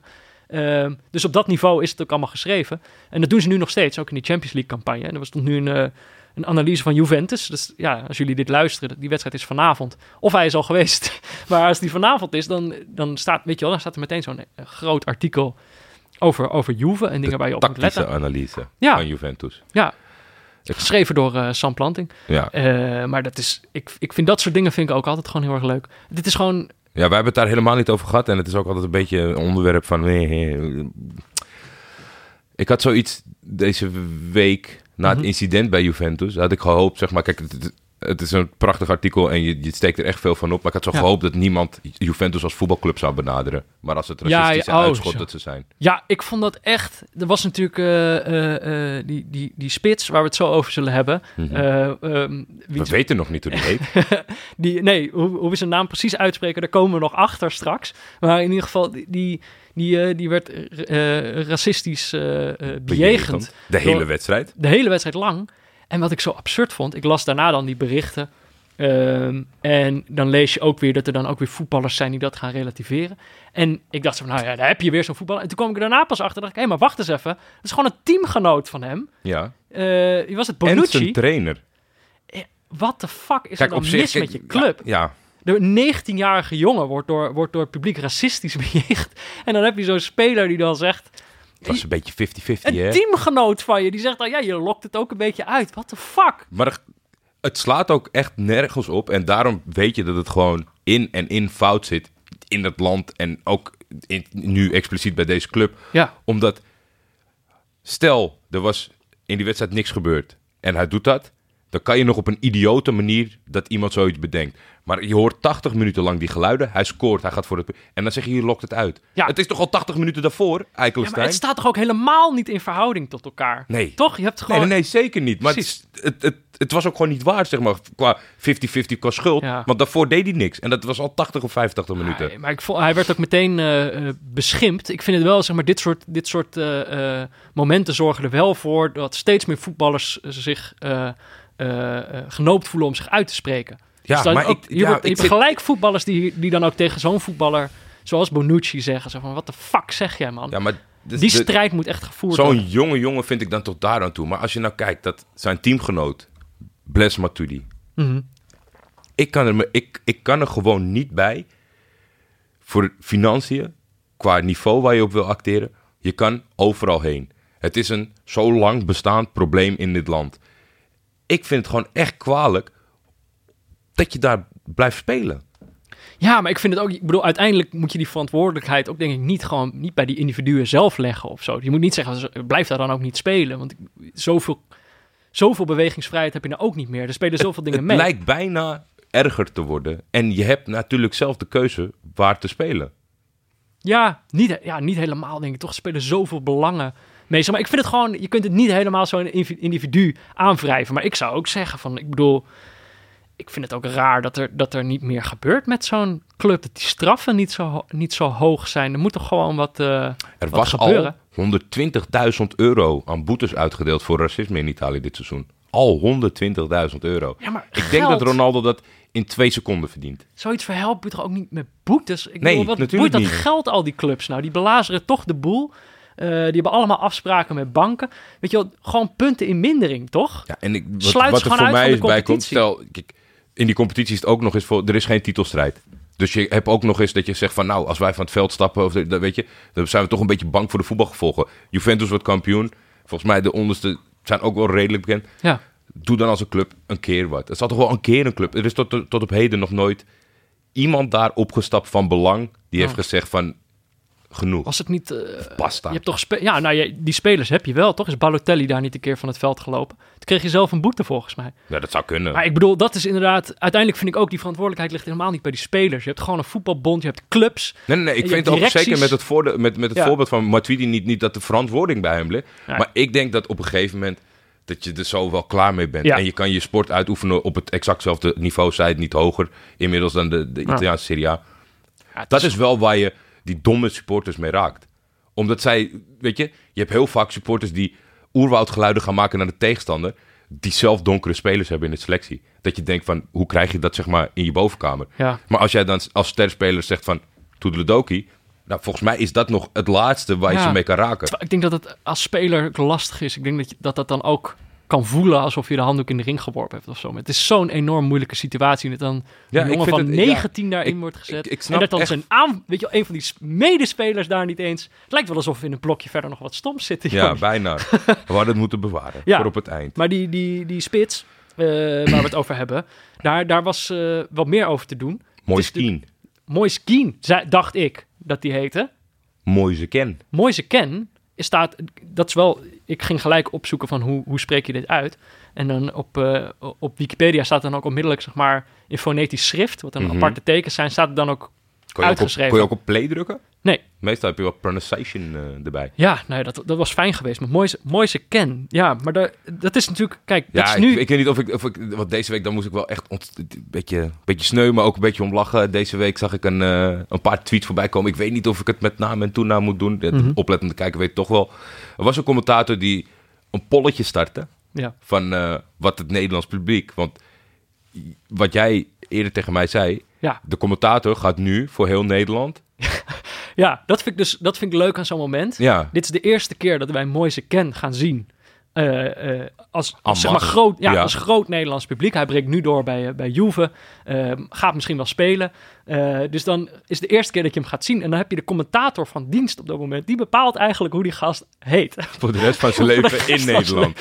Dus je hebt, als, als een nieuwe speler in de eredivisie komt, heb je ook altijd dat moment. Dus dan, weet je wel, eerst was het Suarez. Dat heeft, en dan uiteindelijk is er een commentator die besluit van nee, het is Suarez. Maar dat bleek dan uiteindelijk ook weer niet zo te zijn of zo. Hetzelfde heb je met Ziyech natuurlijk. Eh, maar ja, uiteindelijk krijg je hier dan... eh, die commentator van dienst gaat nu bepalen hoe hij heet. Ja, en die deed gewoon met een knipoog kijken waar, het, waar, polletje. ja, waar het publiek toe stond. En er was een Italië-correspondent die dat niet helemaal goed oppakte. Die zei Nou. van, het is, geen, het is toch geen populariteitskeuze? Je laat het publiek toch niet volgen? Die man heet gewoon zo en niet zo. Dat is natuurlijk ook zo. Toch? Die man heet ook gewoon Moise Ken. Dus dan moet je dat ook gewoon zeggen. Toch? Dat weet ik nog niet. nee, dat weet ik nog niet. Ja, het- Jawel, je mag dat zelf gewoon bepalen. Maar ik snap wel wat hij zegt. Maar het was natuurlijk gewoon een beetje een grapje, toch? Die, die poll. Maar eh, Peter, als ik zo meteen een poll start van... zal ik verder gaan zonder Peter Buurman? En die mensen zeggen ja, dat is niet bindend. Hey. Hè? Het is gewoon een Twitter-poll. Ja, ik, ik snap het dilemma wel, maar ik ben het op zich wel met die, met die Italië-correspondent eens dat er gewoon maar één juist antwoord is. Toch, ik bedoel, het is gewoon zijn naam. dus het zou, ja, ik bedoel, we hebben hier vaak genoeg gestruggeld met namen in deze podcast. Ja, Dus ik zou het op zich wel fijn, ja, er moet gewoon uitsluitsel zijn. Ik dacht dat het er al wel zou zijn. Dus dat je gewoon een video hebt waarin hij zegt, het is zo en niet anders. Was, Ja. was de Rode Lantaarn, onze, onze vrienden van de wielerpodcast, die hadden het ook weer over een wielrenner. En die had dan uiteindelijk zelf een, eh een voice bericht, ja. ingestuurd. Dus mooiste ken, als je luistert, laat het ons even weten. Het zou toch fijn zijn. Hey, ehm, ik dacht nu eh, een blokje, want we hebben een paar dingen die... een blokje boze mensen die dingen zeggen die je niet mag zeggen. We- er zijn een paar dingen waar we het over moeten hebben. ja, De eerste, die had jij erin gezet, de rode kaart van Diego Costa. ja. Tegen, speelde natuurlijk tegen Barcelona Speelde dit tegen weekend. Barcelona. eh, Hij kreeg rood. Ja, hij kreeg rood voor het eh, uitschelden van de scheidsrechter van vrij dichtbij en hard eh, in het gelaat eh, Ja. van de scheidsrechter van dienst. Ja, heeft natuurlijk al een intimiderend uiterlijk. Zeker. Siert de Vos ging heel snel op zoek naar wat er gezegd zou kunnen zijn. Ja. En die kwam later vrij snel met Hij uitsluitsel. leverde wel. Ja. Hij leverde zeker. Zat lekker, denk ik, met Twitter feed open. Of, Ja. ik weet niet hoe Siert dat allemaal doet. Het was een belangrijke wedstrijd voor Atletico. Ja. Eh, Laatste kans op de titel eigenlijk. ik vind het een van de meest onsympathieke personen op aarde. Diego Diego, Costa. Costa. Als Mhm. voetballer zijnde. Zijn uitstraling, zijn manier van doen. De keuzes die hij vaak maakt op het veld. Maar ik was gewoon even lekker gaan zitten voor die wedstrijd. En het kwam zo dat het... Uiteindelijk heeft hij iets gezegd. En mijn Spaans is een beetje roestig. Maar er, Ja. er zat wat voor. Want hij zei, Macago de puta madre. Ja, En dat Macago, dat was de toevoeging. Ik scheid op je. ja, Ik scheid op je hoerenmoeder. ja. Maar als ik, jij... vind, ik vind dat terecht rood. wil ik alvast gezegd hebben. vind ik niet kunnen om dat te zeggen. Nee, maar mijn punt, mijn punt in deze is dat eh, elk moment op het veld waar Mhm. iets tegen zit van een speler op het hoogste niveau in Spanje, Ja. draait van de camera weg en zegt puta madre. Ja. Heel Handje, veel, handje heel veel. ja. De handje is als ze wat zeggen. Dit is gewoon, Suarez heeft het volgens mij in deze wedstrijd alleen al twaalf keer geschreeuwd. Dan misschien niet van zo dichtbij, maar is dat, is dat dan de norm? Ik vond het voor mij zelf heel egoïstisch, scheid irritant voor de wedstrijd dat het gebeurde. En ik denk, ja, dat puta madre is een soort van gedoogd. En omdat je dan ik scheid erop de voorzet, is dat zo erg? Ja, is, is dat dan de Is drempel? dat dan de drempel waarvan je zegt... Kijk, als jij zegt van... Ik vind alles, als ik het hoor, ben je weg. Prima, prima norm. Maar Ja. als je dit gaat handhaven... dan is het Nou echt ja. twee tegen één, hè? Omdat er een Eh, paar geen Spaans spreken. Nou ja, en het lastige is natuurlijk ook inderdaad dat, dat, eh, dat het discutabel is, altijd. Of nou ja, zeg maar... eh, soms hoor je iets wel inderdaad. Of soms staat iemand net iets dichterbij waardoor het intimiderender is of zo, zeg maar. Dus Ja. eh, het wordt inderdaad al gauw zo dat je de ene keer wel rood geeft en de andere keer niet. Ja, Dus, dus dat is altijd lastig in een wedstrijd. Dus in die zin zou ik zeggen, ja. Maar ja, aan de andere kant, wat mij betreft is er verder ook niet echt een discussie nee, nee, nee, nee. nee. of dit, of dit eh, rood zou moeten zijn of niet. Maar voor- je hebt wel gelijk, voor de wedstrijd was het... eh, Ja, Nou ja, viel nog mee, omdat instantie- Simeone ineens, ineens de geest van Kruif kreeg en twee backs eraf haalde voor twee spitsen. Ik wist Ja. niet wat mij overkwam deze wedstrijd. Geweldig. Het lukte ze ook nog bijna. ja, Ja, ja, maar helaas toch niet. Was wel een leuke wedstrijd, vond ik, uiteindelijk. Maar jij hebt dus niet zo genoten. ja, ja. ja, ja. Het is alleen- Er zat meer in. Het is jammer, de, de, de titelstrijd is wel over, zeg maar. Eens. Barcelona heeft nu wel een definitieve claim gelegd. Ik vond het zo, eerste goal valt en gewoon meteen die tweede, weet je wel. Dat je ook heel vaak ziet. Het is dus echt ook zo'n mentaal spel. Dus je, je, je breekt, je laat het heel even liggen en bam, meteen ligt de En dan is tweede het helemaal klaar. Ja, En ja, complimenten voor wat. eh, dat is natuurlijk wel een redelijke sensatie. Maar eh, tot twee keer toe. Wanneer het echt, echt even moet. En dan is het ook op een bepaalde manier weer grappig dat het niet Messi is. Maar Ja. Suarez de laatste twee wedstrijden. ja. Met, een, met een streep in de laatste seconde tegen Ik Villarreal. zat daar nog over na te denken van... En dit schot, hè, want laten we wel wezen, het mogen gezegd zijn. Ik, ik ben absoluut geen keeper-expert, maar ik ben er wel redelijk over uit dat voor mij, met alles wat ik heb gezien, dat Jan Oblak de beste keeper ter wereld is op dit moment. Ja, ook in deze wedstrijd was hij top. En dat hij hem dan binnenkant paal langzaam weet te schieten. Zo scherp. Heel veel effect. Zo, zo, zo. Maar dat is, Suarez is zo'n speler die dan eh, over, over, over 50 jaar staat hij in de voetbalquiz. Zo van, eh, oké, je had bij Barcelona had je natuurlijk Messi. Die maakte seizoen na seizoen eh, meer dan 30 goals.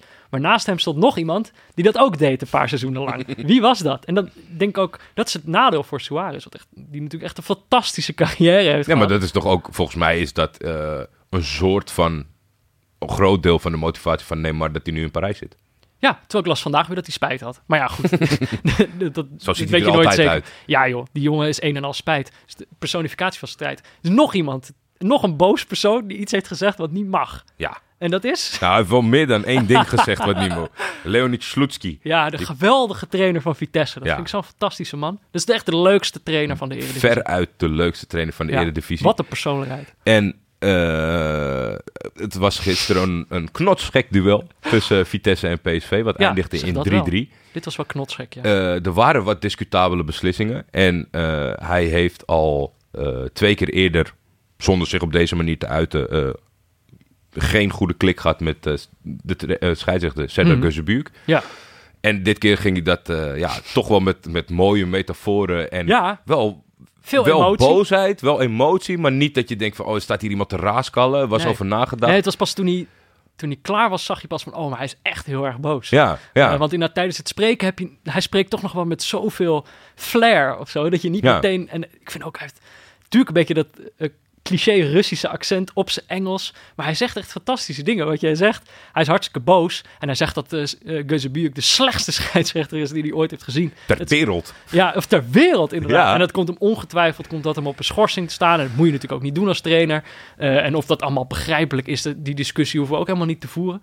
Maar wat ik zo prachtig vond aan dit moment, is dat hij dus in al die woede eh, zegt hij, ja, en die Gözebuyuk, dat is iemand die denkt dat de wedstrijd om hem draait. Maar dat is niet zo. Hij is de waiter. Ja. En dat vond ik zo'n geweldige metafoor. Hij is de ober. Ja. Maar dat je dus in al die woede een soort perfecte metafoor kan vinden.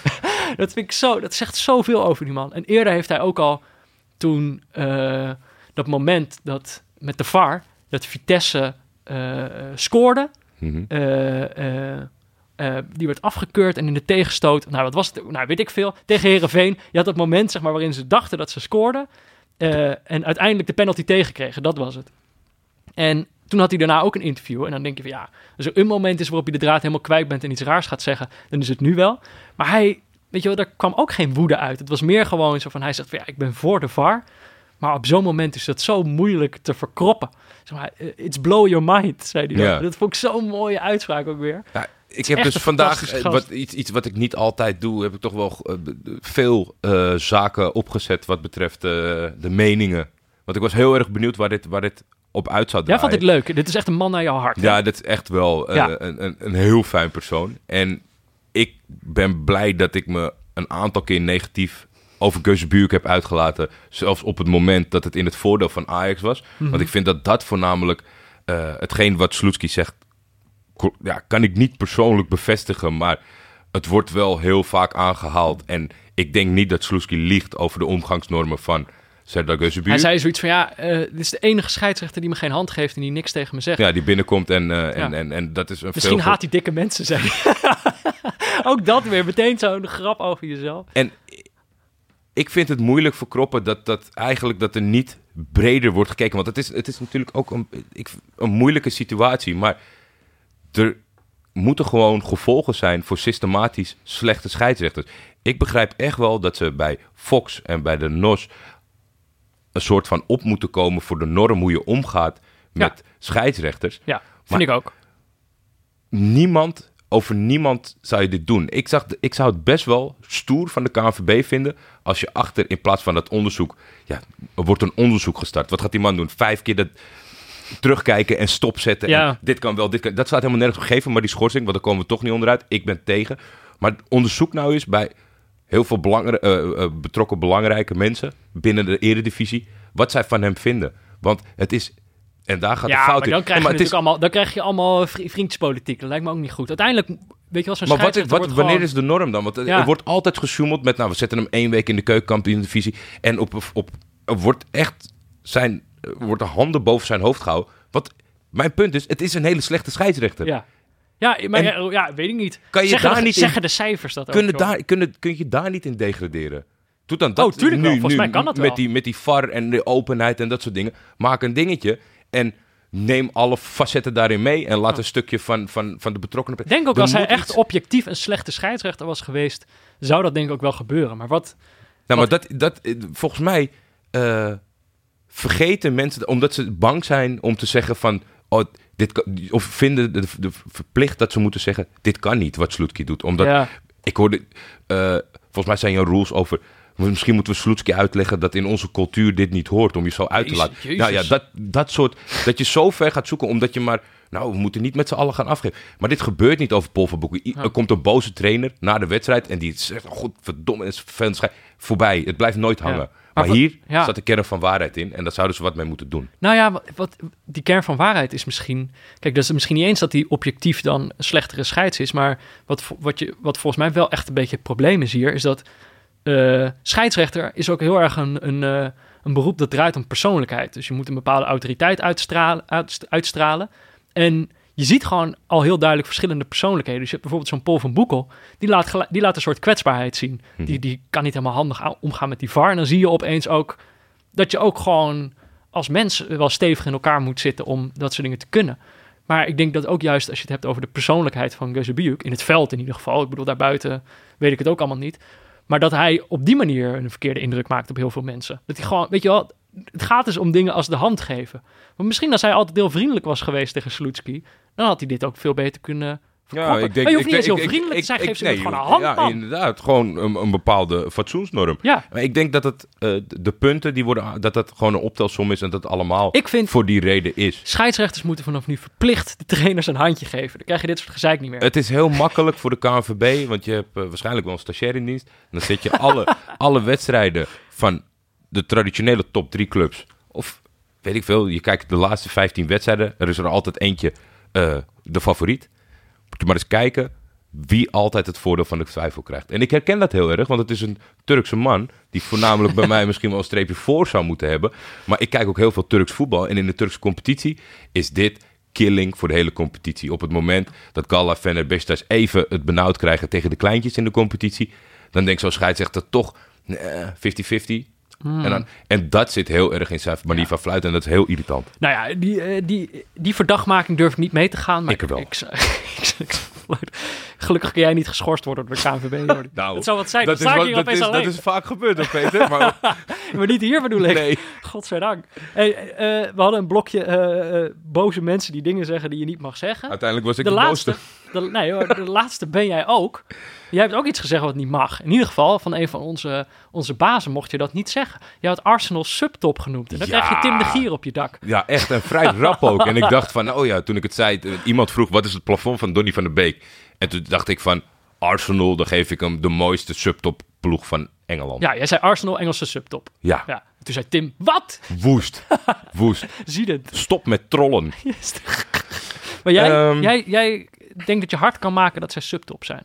Nou, we hebben het eh, in eerste instantie over een club die voor het laatst in 2004 kampioen is geworden. Dat is eh 15 jaar geleden. Was lang geleden. Ja, kan ik me nog wel herinneren. Ja, wel? Tuurlijk, Oké. toch? Ja, Ik, 15. ik kan zich dat herinneren. Nou ja. Eh, dat is best wel een lange periode. En Mhm. daarvoor zijn het er ook niet heel veel, kan ik je verklappen. ja. Europees gezien hebben ze twee prijzen gewonnen. Beide competities bestaan inmiddels niet meer. Wat een goed eh, gevoel geeft. eh. de ene was, ja, ik denk toch wel de ultieme prijs voor een subtopclub. Eh, de beker voor bekerwinnaars. Mhm. Dat, ja, volgens mij kan je het niet mooier samenvatten. En er zijn ook nooit topclubs die cupfighters worden genoemd. Dat zijn altijd de ploegen die eronder Ja, zitten, die dan een bekertje winnen. ja. Nou, en dan zijn zij ook nog eens de beste van al die ploegen die bekertjes Ja, dus de ultieme subtopclub misschien wel. Ja. Daar kwam ik achter een toernooi wat, wat ik zelfs eh, eigenlijk in eerste instantie niet kende. Dat was de Intercities Fairs Cup.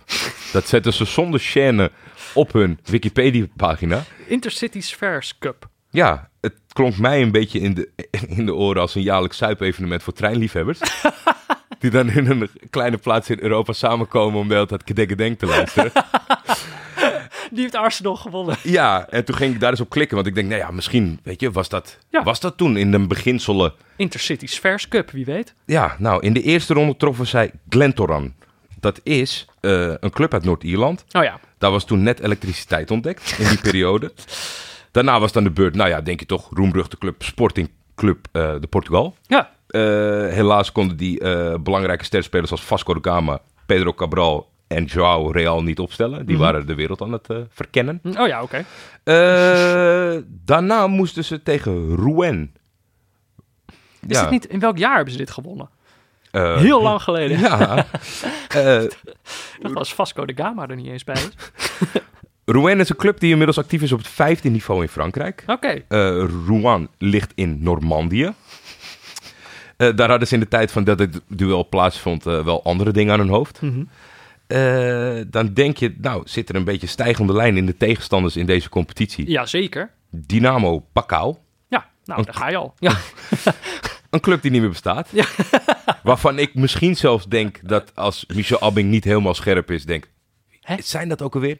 En dan ben je een kleine club. Eh, een Roemeense club die, die eh, inmiddels is opgeheven. Het werd eh, 9-1 over twee duels. Ah, dan snap ik het wel dat je er gewoon mee ophoudt. En daarna, daarna kwam Ajax. hey, die ken ik. Die club ken ik. Zij wonnen van Ajax thuis. Mhm. En dat werd in de krant. Ik heb de krantenkop gezien. het dieptepunt uit de geschiedenis van Ajax. Dus zo chockerend was het in die periode dat Ajax verloor van een club als Arsenal. Maar jij bent echt heel diep gaan graven om Tim's ongelijk te bewijzen. Ja, toch wel een beetje. En in de finale was het Anderlecht. Nou ja, dat is uiteindelijk fretbal geworden.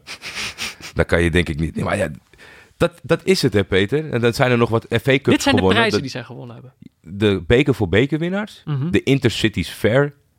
Fair? Intercities Fairs Cup zag ik staan. Fairs Cup.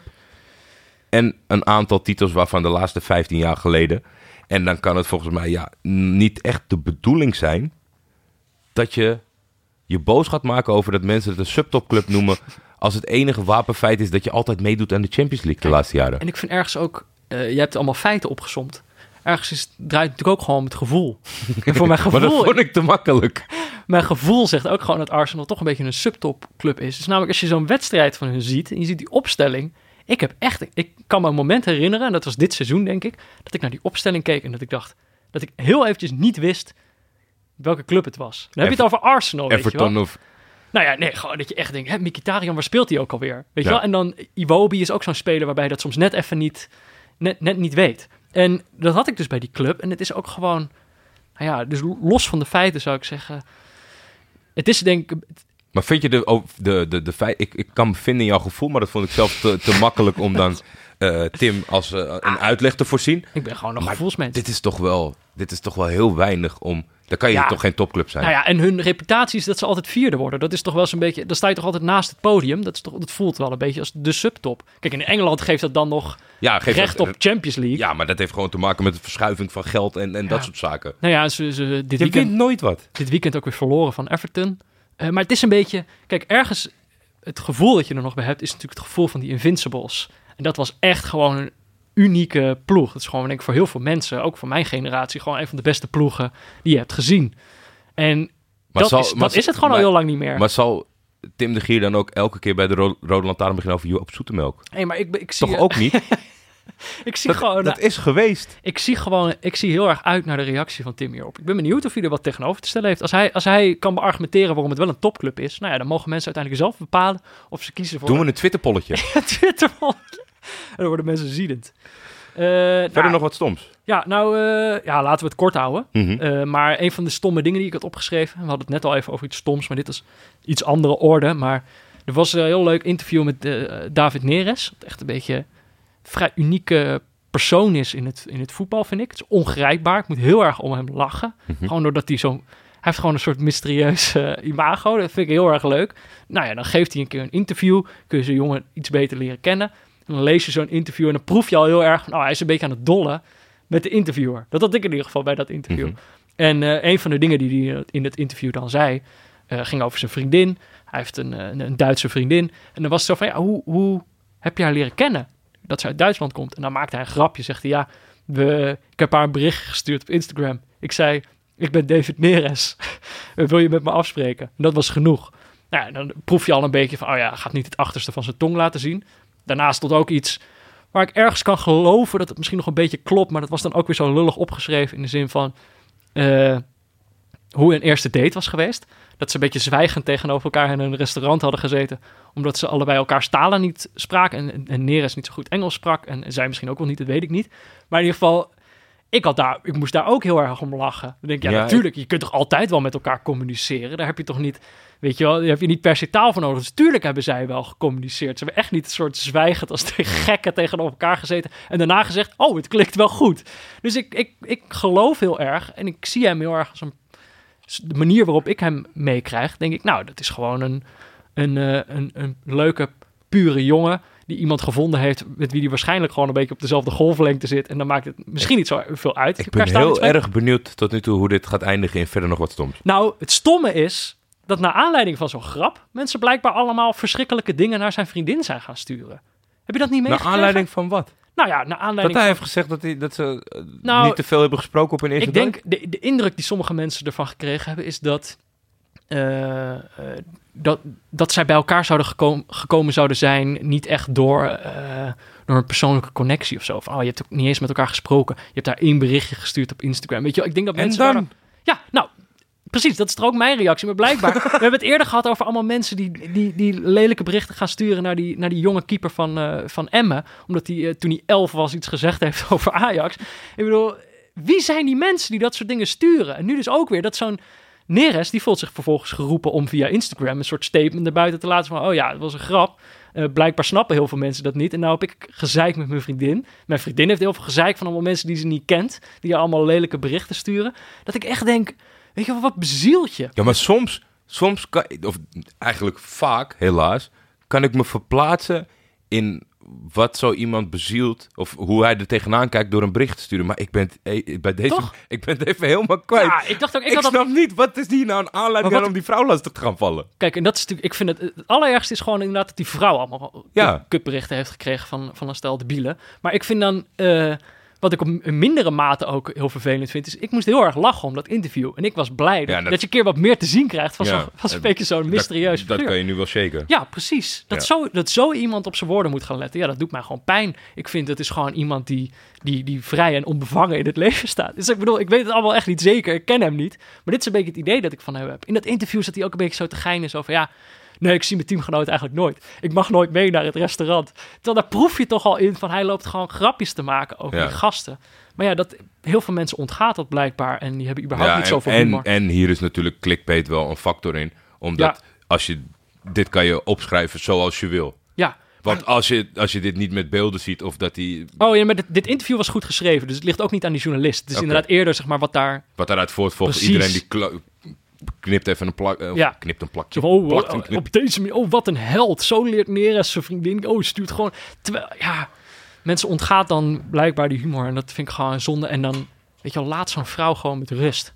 Toch? Absoluut Stom. eens. Fok stom. Ik ook. Eh, Nou, we zijn alweer, we zijn alweer een lekker tijdje bezig. Wedstrijd Ik sta nog steeds. Wedstrijd van volgende week. Ja, Ik ga op zoek naar eentje met veel gegenpressing. oh, ja, tuurlijk, Pieter zit er dan. Nou, Maar wat- ik ga echt twee traditionele ploegen zoeken die gewoon nog echt, weet je, heel ouderwets rush. zonder plan. Maar ik dacht zelf even, en dit is misschien een soort aanzet. Ik, ik zou het heel kort houden, maar kijk, we komen natuurlijk een beetje naar het einde van de De competitie. grootste leugen in deze podcast die we af en toe vertellen. Ja, ja, we gaan nu afronden. maar eh, eh, ik dacht, ik ga even kijken van in welke competities is er eigenlijk nog sprake van een titelstrijd. Want dat Mhm. kan natuurlijk ook wedstrijden een extra, eh, hoe zeg je dat? Lading. lading geven. En dan staat er echt wat op het spel. Natuurlijk heel lang kunnen ploegen nog denken van, oh, nu valt het wel mee. Maar zo richting het einde van de competitie is iedere wedstrijd belangrijk. Weet iedereen waar het om gaat. Dus ik dacht even kijken welke competities nog een titelstrijd hebben. Mhm. Nou, het zou je verbazen. Niet zo heel erg veel. nou ja, dat verbaast je misschien eigenlijk niet. Nee. Maar eh, kijk, van de topcompetities, het is eigenlijk... eh Primera Division is niet spannend meer na dit weekend eigenlijk. Barcelona wordt gewoon wel kampioen. Mhm. van Atletico hun grootste belager gewonnen. Eh Juve kon volgens mij dit weekend al kampioen worden. Maar anders worden ze het eh, volgend weekend wel. Eh, in Frankrijk is PSG al kampioen. Die hebben verloren. Th- Thuis van Strasbourg, omdat Ja. Choupo-Moting een heel grote kans miste. En we hadden het natuurlijk vorige week over de supersympathieke Duitse trainer Thomas Tuchel. Die is naar de tribune gestuurd. Hey! Omdat hij woest was op de vierde Oh, man. omdat hij met zijn nietige selectie met alle zieke mensen en amper budget Oh ja. ook wat nog eens werd benadeeld tegen het grote Strasbourg. Maar zij kunnen echt, zij kunnen volgens mij echt nog... eh, eh, Nog twaalf keer verliezen. en dan worden ze ook nog wel kampioen. Wordt hij naar de tribune gestuurd. Super, super saaie competitie. Zwitserland, Young Boys zijn al zo goed als kampioen. Wat Leuk voor Soleimani. Ik bedoel, wij wilden eigenlijk nog naar die, naar die Zwitserse competitie kijken. Maar dan moeten we misschien voor een andere... Ja, of, of tweede plek, weet ik veel. Maar dat is dus ook al niet spannend meer. Nou, dan hou je over de Bundesliga. Daar heb je nog eh, Bayern en Dortmund, die met z'n tweeën nog strijden. Nou, die hebben dit weekend ook tegen elkaar gespeeld. Eh, Bayern, nou ja, Had ook, anders, had ook andersom kunnen zijn. redelijk overtuigend met 5-0 gewonnen. Dat lijkt me nogal een, eh, een claim op de titel, zeg maar. Mhm. Ik vermoed ook al die ervaring die in die ploeg zit. Zo vaak kampioen geweest. Die gaan dat echt nog wel klaarspelen. Kan op zich nog wel spannend worden, maar lijkt me nou niet echt de competitie waarvan je zegt van oeh, daar zit ik echt nog op een puntje op mijn stoel. Zoals bijvoorbeeld in Nederland, zou ik zeggen. Dat is echt Mhm. nog wel een spannende titelstrijd. Dan heb je nog Engeland. Zit natuurlijk Liverpool en City dicht bij elkaar. Durf ik, ja, ik hoop heel erg Liverpool. Durf ik mijn geld gewoon niet op in te zetten. Als je die, het gaat zo moeizaam. Het is wel vet als ze dan, weet je wel, als ze, als ze dan toch weer die overwinning uit het vuur slepen. En dat zo'n Henderson helemaal uit zijn dak gaat. Dat is natuurlijk vet. Maar uiteindelijk, City doet het veel simpeler. Zou kijken of Cashpoint een leuke aanbieding heeft. Nou ja, eh, ik weet niet. Ja. En dan heb je nog Portugal. Dat is eigenlijk ook. Portugal is een hele leuke titelstrijd. Is, eh, Porto en Benfica staan nog gelijk. Dus daar zouden we misschien nog een keer iets kunnen kijken. Ja, en Keizer dacht, die 1 en 2, dat vind ik niks. Ik ga de strijd aan op plek 3. Ja, en die, die staat nu ook derde, volgens mij drie punten voor op Braga. Dus Sporting en Braga zijn nog aan het strijden. Maar op zich, daar zit dus nog een leuke titelstrijd. En je hebt België, waar ze ook de competitie in tweeën gedeeld hebben. Volgens mij is die degradatiecompetitie is, is de lulligste competitie die er is. Want sommige ploegen zijn dan na één wedstrijd al klaar. Ja. Die hoeven er helemaal niks meer te doen. Die kunnen dan niet eens meer degraderen. En die kunnen ook niet meer... En volgens mij als je kampioen wordt in de, in de tweede. Maar ik weet niet heel, hoe het hele simpel... Maar vorig Daar je jaar ook was met, over met gehad. Antwerp. Die werden kampioen. En die hoefde toen volgens mij... In de, in de degradatiepool. Nee, ja, Oh. ja in het tweede Oh, in de niveau. tweede. Maar omdat Ja. het allemaal verstrengeld zit met poeltjes. Zij werden gewoon regulier kampioen, dacht ik. En die waren toen februari of maart klaar met voetballen. omdat zij al kampioen waren en de andere mensen gingen play-offen. Hoefden zij niet meer te spelen. Ja, wat is dat? Nou ja, in ieder geval, dus dat, dat kan nog wel interessant worden. Want daar heb je nog drie ploegen die eh, met elkaar strijden. Maar die, die moeten dan ook nog zeven wedstrijden. Ik zou het leuk vinden als, eh als Luik hem eh, uit, de, Ja. uit het vuur sleept met heb je-. Genk, Genk, Brugge en Luik strijden daar nog. En volgens mij, nu spelen Brugge en Luik spelen Vanavond, as we speak tegen elkaar. gisteren. Nee, nu. was een fantastische wedstrijd. Gisteren. Fantastisch. Nou, ik ben echt blij met de winnaar. Sofian Amrabat vijf goals. Nou ja, en Turkije, is dat nog spannend? Eh, daar, is Gala, het, Gala is de tweede, toch? ja, daar is het puntenverschil tussen Başakşehir en Galatasaray zes punten. Zij spelen nog tegen elkaar. Dus Oh. het is eh, voor Galatasaray eh, hopen op één misstap. En dan heb je het in eigen hand. Want op doelsaldo staan ze wel voor. Geloof je erin? Eigenlijk wel. Hm. Alleen, het is een beetje de vraag... Wie durft het pootje te haken van Başakşehir? Want eh, kijk, er zijn natuurlijk ook bepaalde gevolgen. Dat heb je in Nederland ook altijd. eh, Naar aanleiding van zo'n duel moet ik altijd mijn petje afnemen voor Feyenoord... die altijd eh, trouw van PSV wint en daarmee Ajax bevoordeelt. Maar Ja. dat is in Turkije ook wel echt een ding. Oh ja, dat, ja. En Beşiktaş is wel eigenlijk goed afgehaakt. En ja, de hoop zou, ik weet, ja, ik, ik, ik- zou het wel leuk vinden om nog een keer naar Turkije te kijken. nou ja, als het dan, als het dan Galatasaray tegen Başakşehir is, waar het eigenlijk om de titel gaat, Ja. dan kunnen we daar misschien wel met schuin nog naar kijken. Nou, ik dacht, eh, te- even ter indicatie, dat we een beetje weten wat er speelt in alle competities. En Hmm. misschien dat de mensen eh, erachter komen dat ik iets vergeten ben.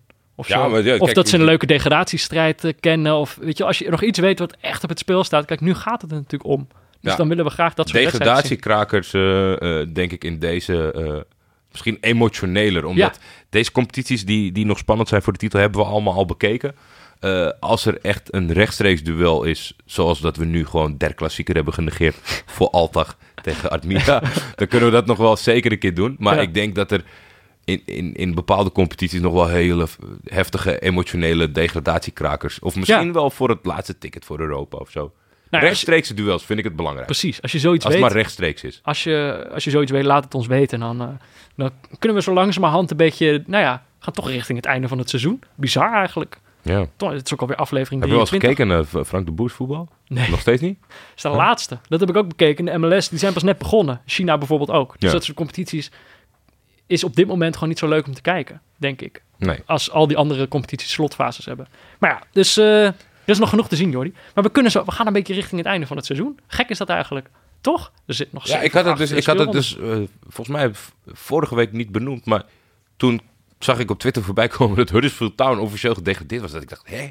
Ja, nu we al. moeten nog... Ja, nu al. Maar toen was het zes wedstrijden voor het einde. Mhm. Ik dacht, oh, Ja, ik weet niet. Ik heb nog niet echt dat, dat gevoel van, van het einde. Maar misschien nee? omdat je nu juist... dat het zonnetje schijnt, krijg je niet een beetje dat... Nee, niet echt. Maar Oh. ik denk omdat je voor je gevoel in zo misschien wel de achtervolger bent vanuit het niet-neutrale kijkersoogpunt. Met ik Ja. in dat geval met Ajax tot aan dit weekend en met Galatasaray eigenlijk al het hele jaar.